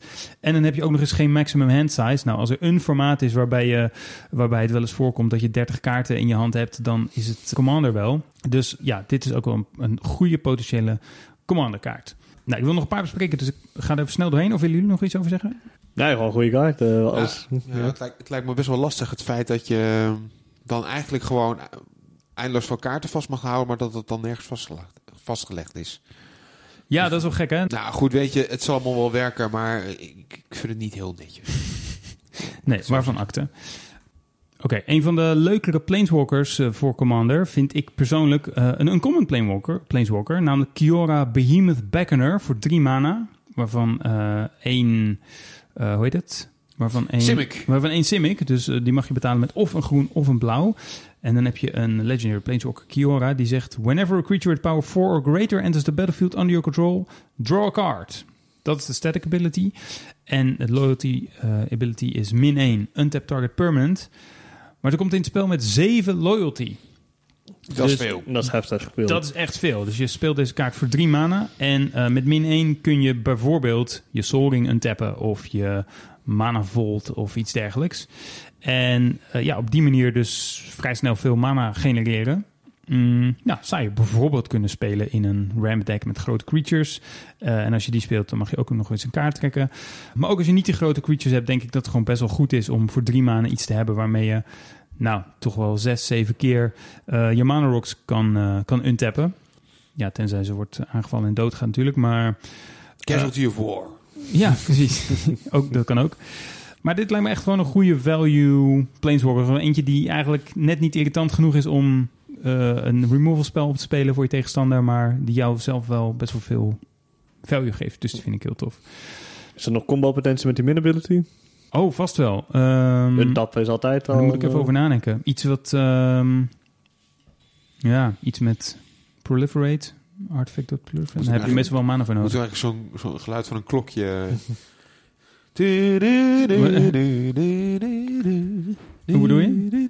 Nou, wacht, het wachtmuziekje van eh Oh, ja. Jeopardy. Jeopardy. Ja, Ja. ja. En dan kom je op een gegeven moment een combo die je bedacht hebt. Oké, eh, laatste twee die ik wil bespreken. Nog een creature, Spark Double. Vier mana, waarvan één blauw. Eh, dat is zo'n ja, soort van dubbelganger creature eigenlijk. Creature Illusion. 0-0. Maar die zegt, je mag hem in het spel laten komen als een kopie van een creature of planeswalker die je al hebt liggen. Eh, behalve dat hij in het spel komt met een extra plus 1 plus 1 counter, als het een creature is. Of met een extra loyalty counter, als het een planeswalker is. En hij is niet legendary als het permanent dat je kopieert wel legendary is. Nou, dit lijkt een beetje op kaarten die al bestaan, maar doet daar toch ook wel weer een paar heel bijzondere dingen mee die we nog nooit hebben gezien. Ehm, ja, je kan dus een creature of een planeswalker kopiëren. Dat is al best wel vet, dat je dat allebei kan doen. Dat hebben we wel eens vaker gezien. Maar dat die ook eh, die legendary supertype verliest, dat is wel echt te gek. Want dan kun je bijvoorbeeld je commander kopiëren en heb je twee commanders liggen. Nou, dat is een effect wat je ja, wat wel eens voorkomt in Magic, maar niet heel vaak. En ik denk dat dat wel heel naar is als dat misbruikt wordt. Eh, dus eh, leuk om te spelen, zeg maar. Wat denken jullie? Ik, eh, nu, dat laatste was ik even vergeten. Ik dacht, nou, je kan leuk je Planeswalkers kopiëren, maar je eigen commanden kopiëren. Ja, dat wordt wel heftig. Ik Ja. denk dat deze kaart op meerdere manieren één commander gebroken gaat worden. Ja. Nou, en tot slot, dat is ja, een van de belangrijkste kaarten, denk ik, in de set qua verhaal. Maar ehm, ik denk super goede kaart voor Commander, maar misschien ook wel in elk geval in sideboard voor, eh, voor andere formats. Die Elder spel, waar zo'n beetje de hele set om draait. Een sorcery voor twee zwart. En die zegt: Destroy any number of target planeswalkers. En vervolgens eh, kies je een planeswalker die jij eh controlt. En dan mag je twee loyalty counters erop leggen voor elke planeswalker die jij gesloopt hebt op deze manier. Ja, kijk, als je 37 planeswalkers in een set stopt, dan moet je natuurlijk ook wel wat goede planeswalker removal in de set stoppen. En er zitten er ook wel een paar in, volgens mij ook zelfs op common al. Uh, Mhm. Maar dit is dus eentje op uh, rare. Ja, dit is, uh, dit is natuurlijk trek. Je kan dus 10 planeswalkers slopen met één kaart, bij wijze van spreken. En dan, ik, uh, ik moet er wel zeggen, als je tegenstander... Maar goed, met Commander ligt het helemaal anders. Maar Mhm. als je tegenstander 10 planeswalkers hebt... Dan, dan mag ik erop rekenen dat je niet meer leeft. nou ja, Maar bij wijze van spreken. Ja. Bij wijze van spreken zei ik er volgens mij bij, maar... Eh, ja, nee, inderdaad, dan doet hij toch iets fout. Maar ehm, een paar dingen over deze kaart. Ik denk dat het sowieso goed is... eh, nee, laat ik het anders zeggen. Dit kun je natuurlijk ook in een deck spelen met eigen planeswalkers. Dus dat je één van je planeswalkers sloopt... of dat je meerdere van je eigen planeswalkers sloopt... om één van jouw planeswalkers te kunnen ultimaten bijvoorbeeld... en daarmee de game te winnen. Uh, dus dat is een interessante mogelijkheid. Maar zelfs als je zelfs helemaal, zelf helemaal geen planeswalkers speelt... dan is het denk ik nog steeds de moeite waard om deze kaart in je deck te stoppen in Commander. Omdat, ja, vrijwel elk Commander deck speelt wel één of meerdere planeswalkers. En zeker nu als deze set uit is, dan, uh, dan zal dat nog veel vaker voorkomen. Dus het is gewoon heel goed om deze als optie ergens in je deck te hebben. Dus ja, ik vind dit een waanzinnig sterke Commander kaart. Mm. En ik zie hem ook nog wel uh, als sideboard kaart eventueel in Standard of Modern. Ja, dat mag het laatste. Want uh, mag je deze kaart spelen als je zelf geen planeswalker kan kiezen? Ja hoor, lijkt me wel. Ja, hij target alleen planeswalkers. Okay, dat, dat zijn de targets een, die je aanwijst. En, en choose is een beetje vrijwillig. Ja. Ja. ja, als er had gestaan uh, choose target of uh, leg die loyalty counters op target planeswalker van jezelf, dan ja, wat zou die dan eigenlijk doen? Dan zou die misschien nog steeds ja, dan heb je geen legal target. Dan heb je geen legal target, dus dan kan je hem niet casten. Maar dat is hier dus niet. Dus... Nee, oké. Okay, dat is dus de bewoording is choose a planeswalker. Is het dus ja. niet... Oké, okay, ja, duidelijk. Ja, het target niet. Dus, oké. Okay. Uh, nou goed, dat waren mijn uh, beoogde commanderkaarten. Naast wat we daarvoor al besproken hadden. Oef. ja, ja, dat is volgens mij uh, weer uh, Commander Hemeltje. Commander Festival, jongens. Ja. ja. Zoals altijd zitten natuurlijk veel te veel kaarten in deze set om allemaal in het tijdsbestek van één podcast te bespreken. Maar gelukkig hebben we er al heel wat de revue kunnen laten passeren. Maar het is nog wel tijd voor een paar special mentions voordat we gaan afronden. Arjan. Ja, en de eerste, dat is, die is zeker special. Uh, dat is namelijk de cultheld van Magic momenteel. Dat is namelijk Thibble Thip. Wie kent het niet? Wacht even, heb je misschien een handdoekje? Ik zit een beetje onder het spuug nu. Nou zeg. Zo eh, ergens nou ook weer niet. Maar goed, eh Fibblefib The Lost. eh, twee mana, waarvan één blauw. Eh, Legendary Creature Homunculus. 1-1. En Fibblefib, ik noemde het eigenlijk net al een beetje de cultheld. Omdat eh, hij zat oorspronkelijk in een Ravnica set. Stond hij gewoon op een kaart met flavortekst. En op een of andere manier begon dat mannetje een heel eigen leven te leiden. Want hij kreeg onge... Zonder dat Wizards het door had, kreeg hij heel veel fans. En deze fans die worden nu op een wenk bediend. Want eh Fibblefib krijgt bij deze zijn eigen kaart. En niet de minste. Niet tenminste, eh zoals ik al net zei, een 1-1. En hij heeft een, specia- een speciale ability. Als hij in play komt in, op de battlefield, dan mag je een kaart trekken. En als hij in play komt eh, vanuit je library, of is gecast vanuit je library, dan mag je zelfs twee kaarten trekken. Als Fibblefib de target eh, wordt van een spel, dan, dan mag je hem terug shuffelen in je library. Maar Nou. Arjan, hoe kun je nou een creature laten enteren vanuit je library? Laat staan casten vanuit je library. Nou, eh, voor de vaste luisteraars die weten dat ik een Simic-fan ben. En er is één heel mooi Simic antwoord op, namelijk Vanivar, de Prime Speaker. Ah ja. Wat doet die kaart ongeveer? Nou, ik- dat is een Birthing Pot, maar als je niet weet wat dat doet, eigenlijk mag je met Vanivar en ook met Birthing Pot mag je een eh, creature sacrificen. En vervolgens mag je een creature in je eh, library zoeken die één mana meer kost. Dus ja, Mhm. dat is een perfecte manier eigenlijk om eh, ja, extra kaarten te trekken Ja, met ja. eh, deze kaart. Dus eh, ja, nu ik erover nadenk, dat is natuurlijk één optie. Maar je zou hem ook met bijvoorbeeld een Collected Company of een Court of Calling of iets dergelijks in Ja. het spel kunnen krijgen. prima. Ja, de vraag is dan natuurlijk wel van wat krijg je dan in het spel? Vraag ik me dan ja, wel af. precies. Een één eentje. Maar goed, dan mag je wel die Het is, kaart... het is echt kaartvoordeel, maar de kaart zelf doet niet zoveel. Ja. Maar, Dan, Maar- dan cast je hem dus niet. Dan, dan heb je gewoon een spel die resolved en daarmee vind je hem. Maar Ja. hoe kan je hem casten vanuit je library? Hoe werkt dat dan? Eh, daar heb ik even geen voorbeeld van. Experimental Frenzy misschien? Oh ja, tuurlijk. Wacht, dat is die eh, rode kaart. Eh rode enchantment, 4 mana. Eh, je mag geen kaart uit je handen spelen, en, maar wel vanuit je library. En voor 4 mana kan je weer slopen. ja. Eh, oh ja, ja oké. ja, en dan... Ja, ja. Ja, er is, Dat- er is trouwens ook nog een kaart waarmee je creatures eh, die bovenop je dek liggen, eh, mag, je, mag je casten. Oh ja, ja, ja. ja. Vizier of de Menagerie. Ah, ja, maar die, zit, die kaart zit momenteel niet meer, eh, zit in ieder geval niet in standard, maar in, in Modern of Commander zou het. Ja. Ja, er zijn manieren in elk geval. Ja. Anyway, Fibblefib, ik vind het een leuk kaartje. De art is ook schattig op een of andere manier. Hij is wat gespierder geworden volgens mij. Hij ja, heeft een onderbroekje aan. Gelukkig wel. Ja. Gelukkig wel. Dat is voor iedereen beter, denk ik. Oké, dan ga ik eh, naar mijn volgende special mention. Dat is de Murfolk Skydiver. 1 groen, 1 blauw. Een flying Murfolk. En als hij in play komt, dan mag je een plus 1 plus 1 counter op een target creature eh, leggen die jij eh, onder controle hebt.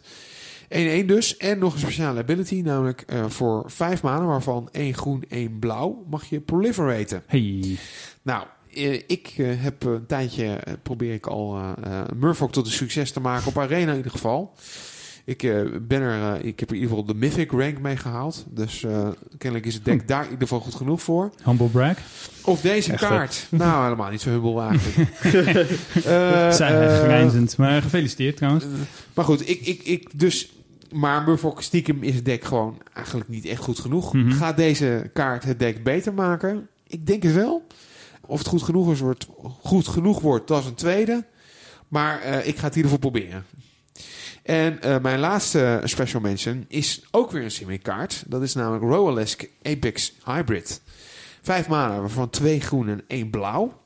Flying Trample. When Roalesk Apex Hybrid enters the battlefield, put two plus one plus one counters on another target creature you control. When Roalesk dies, proliferate, then proliferate again. Jeetje. En dat is een 4-5. Nou ja, wat ik een beetje grappig vind aan deze kaart, het is een, eh, een human mutant. En hij heeft een soort van cape waarmee hij vliegt. Ja, het is een beetje een soort van superheld en hij doet ook van alles. Ja. Dus, eh, en ik, ik moet je zeggen, ik vind Proliferate vind ik heel leuk. Ik ben eh Simic fan, dus ja, deze kaart die doet zo'n beetje alles wat ik wil.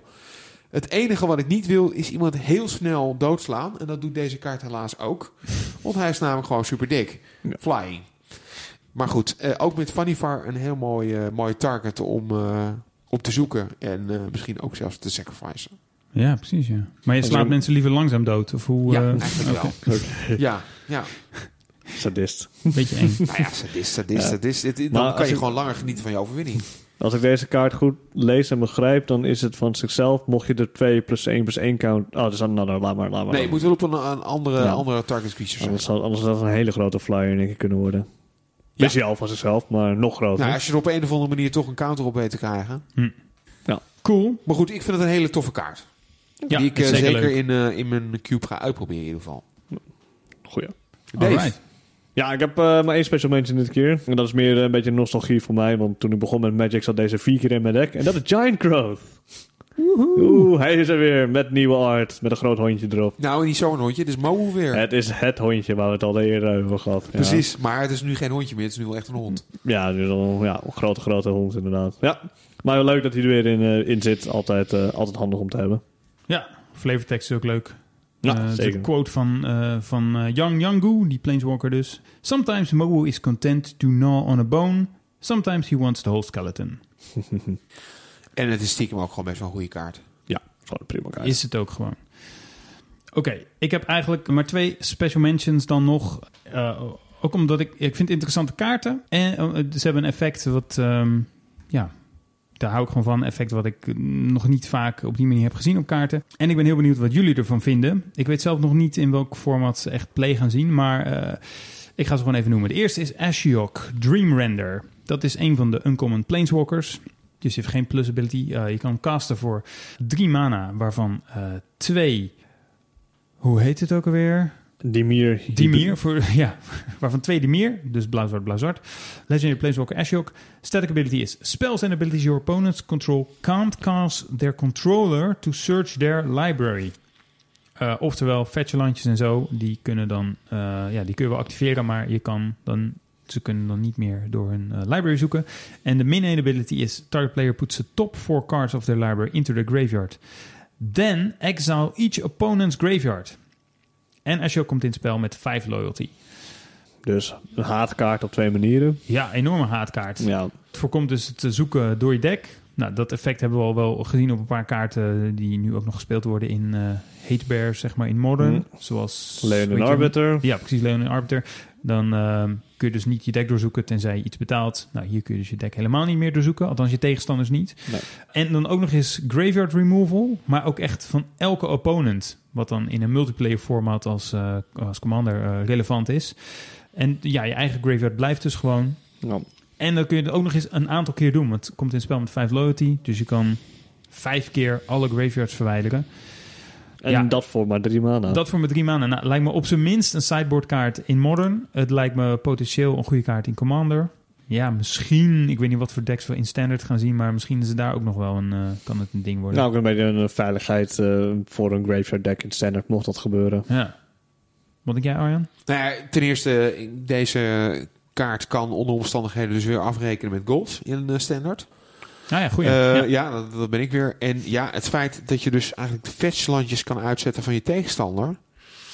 Dat vind ik toch ook wel heel erg sterk in Modern hoor. Er Dat is zijn, heftig, niet? Ja. zijn toch niet zo heel veel decks in Modern die geen fetchlandjes gebruiken? De meeste decks spelen of fetchlandjes of spells die alsnog naar landje zoeken. Ja. Dus eh, ja, ik denk dat deze kaart misschien mogelijk... Ja, het is natuurlijk wel een effect. Het, is, het, het lijkt op een enchantment. Het is het niet. Het kan wel dood.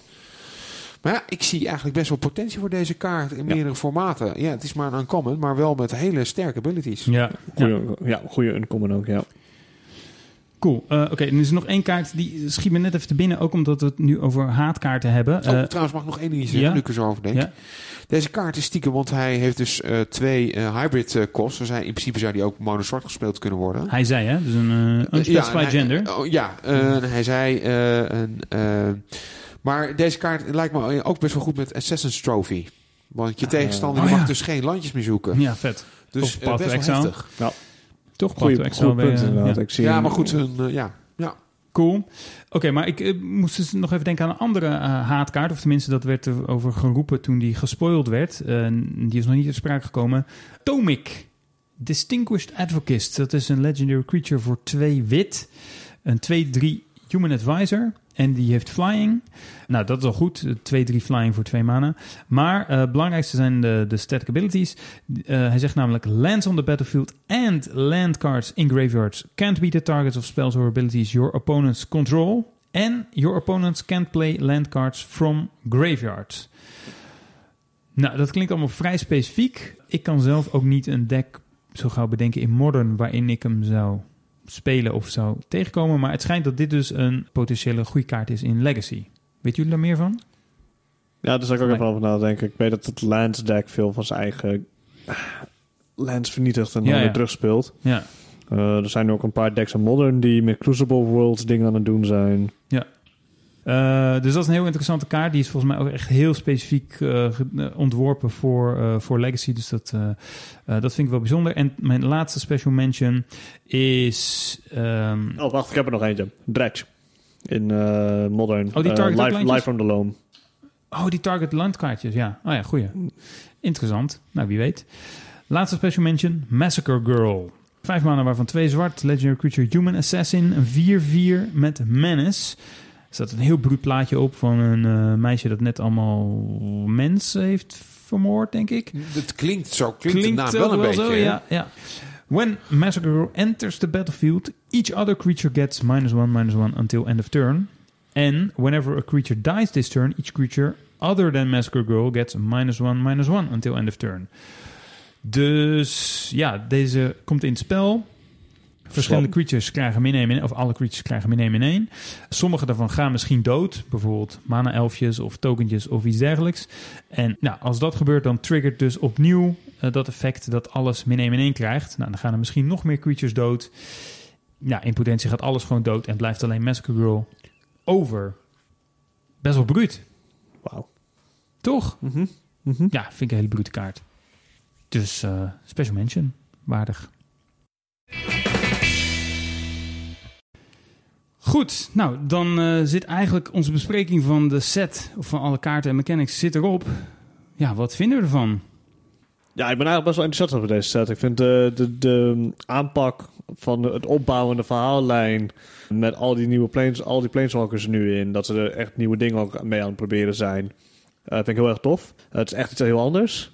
Geen idee wat voor impact dit gaat hebben op eh, verschillende consorted formaten, maar eh, ook ben ik heel erg benieuwd naar gewoon aan het limited formaat. Gewoon hoe gaan we, hoe kan dit gebalanceerd zijn? Zoveel Ja. planeswalkers in één set. En ja, gewoon eigenlijk leuk, nieuw, anders en eh, goed. Ja. Ja, ik ben ook echt wel heel erg eh, hyped voor deze set. Heel erg spannend dat ze zoveel Planeswalkers in een set hebben gestopt. Eh, als we niet vorig jaar Dominaria hadden gezien, dan had ik nu misschien iets meer mijn hart vastgehouden. Maar doordat ze het vorig jaar zo ontzettend goed hebben gedaan met zoveel Legends in een set eh, stoppen. En dat het zo'n goed design was, heb ik eigenlijk wel vertrouwen in dat het nu ook gewoon eigenlijk heel soepel gaat, eh, gaat spelen. En heb ik wel vertrouwen in het ja, playdesign team van, van Wizards dat dit te gek wordt. Lijkt me heel vet om een soort ah, Super Friends-achtige decks in Limited te gaan zien, wat we nog nooit hebben meegemaakt. Dus ik heb heel veel zin ook om dit veel te gaan draften. En ik ben heel benieuwd welke Planeswalkers er allemaal komen bovendrijven als eh, speelbaar in eh, Commander. Ze zullen ongetwijfeld allemaal uitgeprobeerd worden, maar ja, ze zullen best vast niet alle 37 eh, goed blijken te zijn. Maar ik ben heel erg enthousiast. Ja, ik sluit me daar eh, volledig bij aan. Ik moet je zeggen dat ik eigenlijk nooit zo heel erg nerveus ben geweest over het feit dat er zoveel planeswalkers in zouden zitten. Ik denk, ja, dat, dat is zo'n idioot idee. Dat moet je eigenlijk wel gewoon goed getest hebben, want anders dan eh, ga je het gewoon niet doen. En eh, ik, de, de set ziet er heel erg powerful uit. We merkten het eigenlijk al toen we ons moesten voorbereiden op de, op de podcast van vandaag. Van waar gaan we het in godsnaam over hebben? Want er is er zoveel om over te praten. Er zitten zoveel sterke kaarten in deze set. Dus ik denk dat deze set ook in Constructed echt veel impact gaat maken. En eh, ja, net als jullie, ik ben ontzettend benieuwd hoe al die Planeswalkers in Limited gaan uitpakken. Ik, eh, ik kan niet wachten. Cool. En daarmee zit deze 26e aflevering van Studio Magic er alweer op. Wil je meer horen? Wij zijn te vinden in iTunes en in Spotify. En daarnaast in Stitcher, TuneIn en in andere populaire podcast-apps. Je kunt je daar gratis abonneren en eerdere afleveringen beluisteren. Bijvoorbeeld onze aflevering over Commander. Dat was aflevering 25. En volgende afleveringen natuurlijk. Al die afleveringen kun je ook afspelen natuurlijk via onze eigen website studiomagic.nl. Je doet het een groot plezier als je ons volgt op Twitter of liked op Facebook. Dan kun je ons ook vragen stellen of feedback geven. En op beide sociale netwerken heten we Studio Magic NL. De muziek die je hoorde is de track Surf Jimmy van Kevin McCloud onder een Creative Commons licentie. Meer informatie daarover in de show notes. Bedankt voor het luisteren en tot de volgende Studio Magic.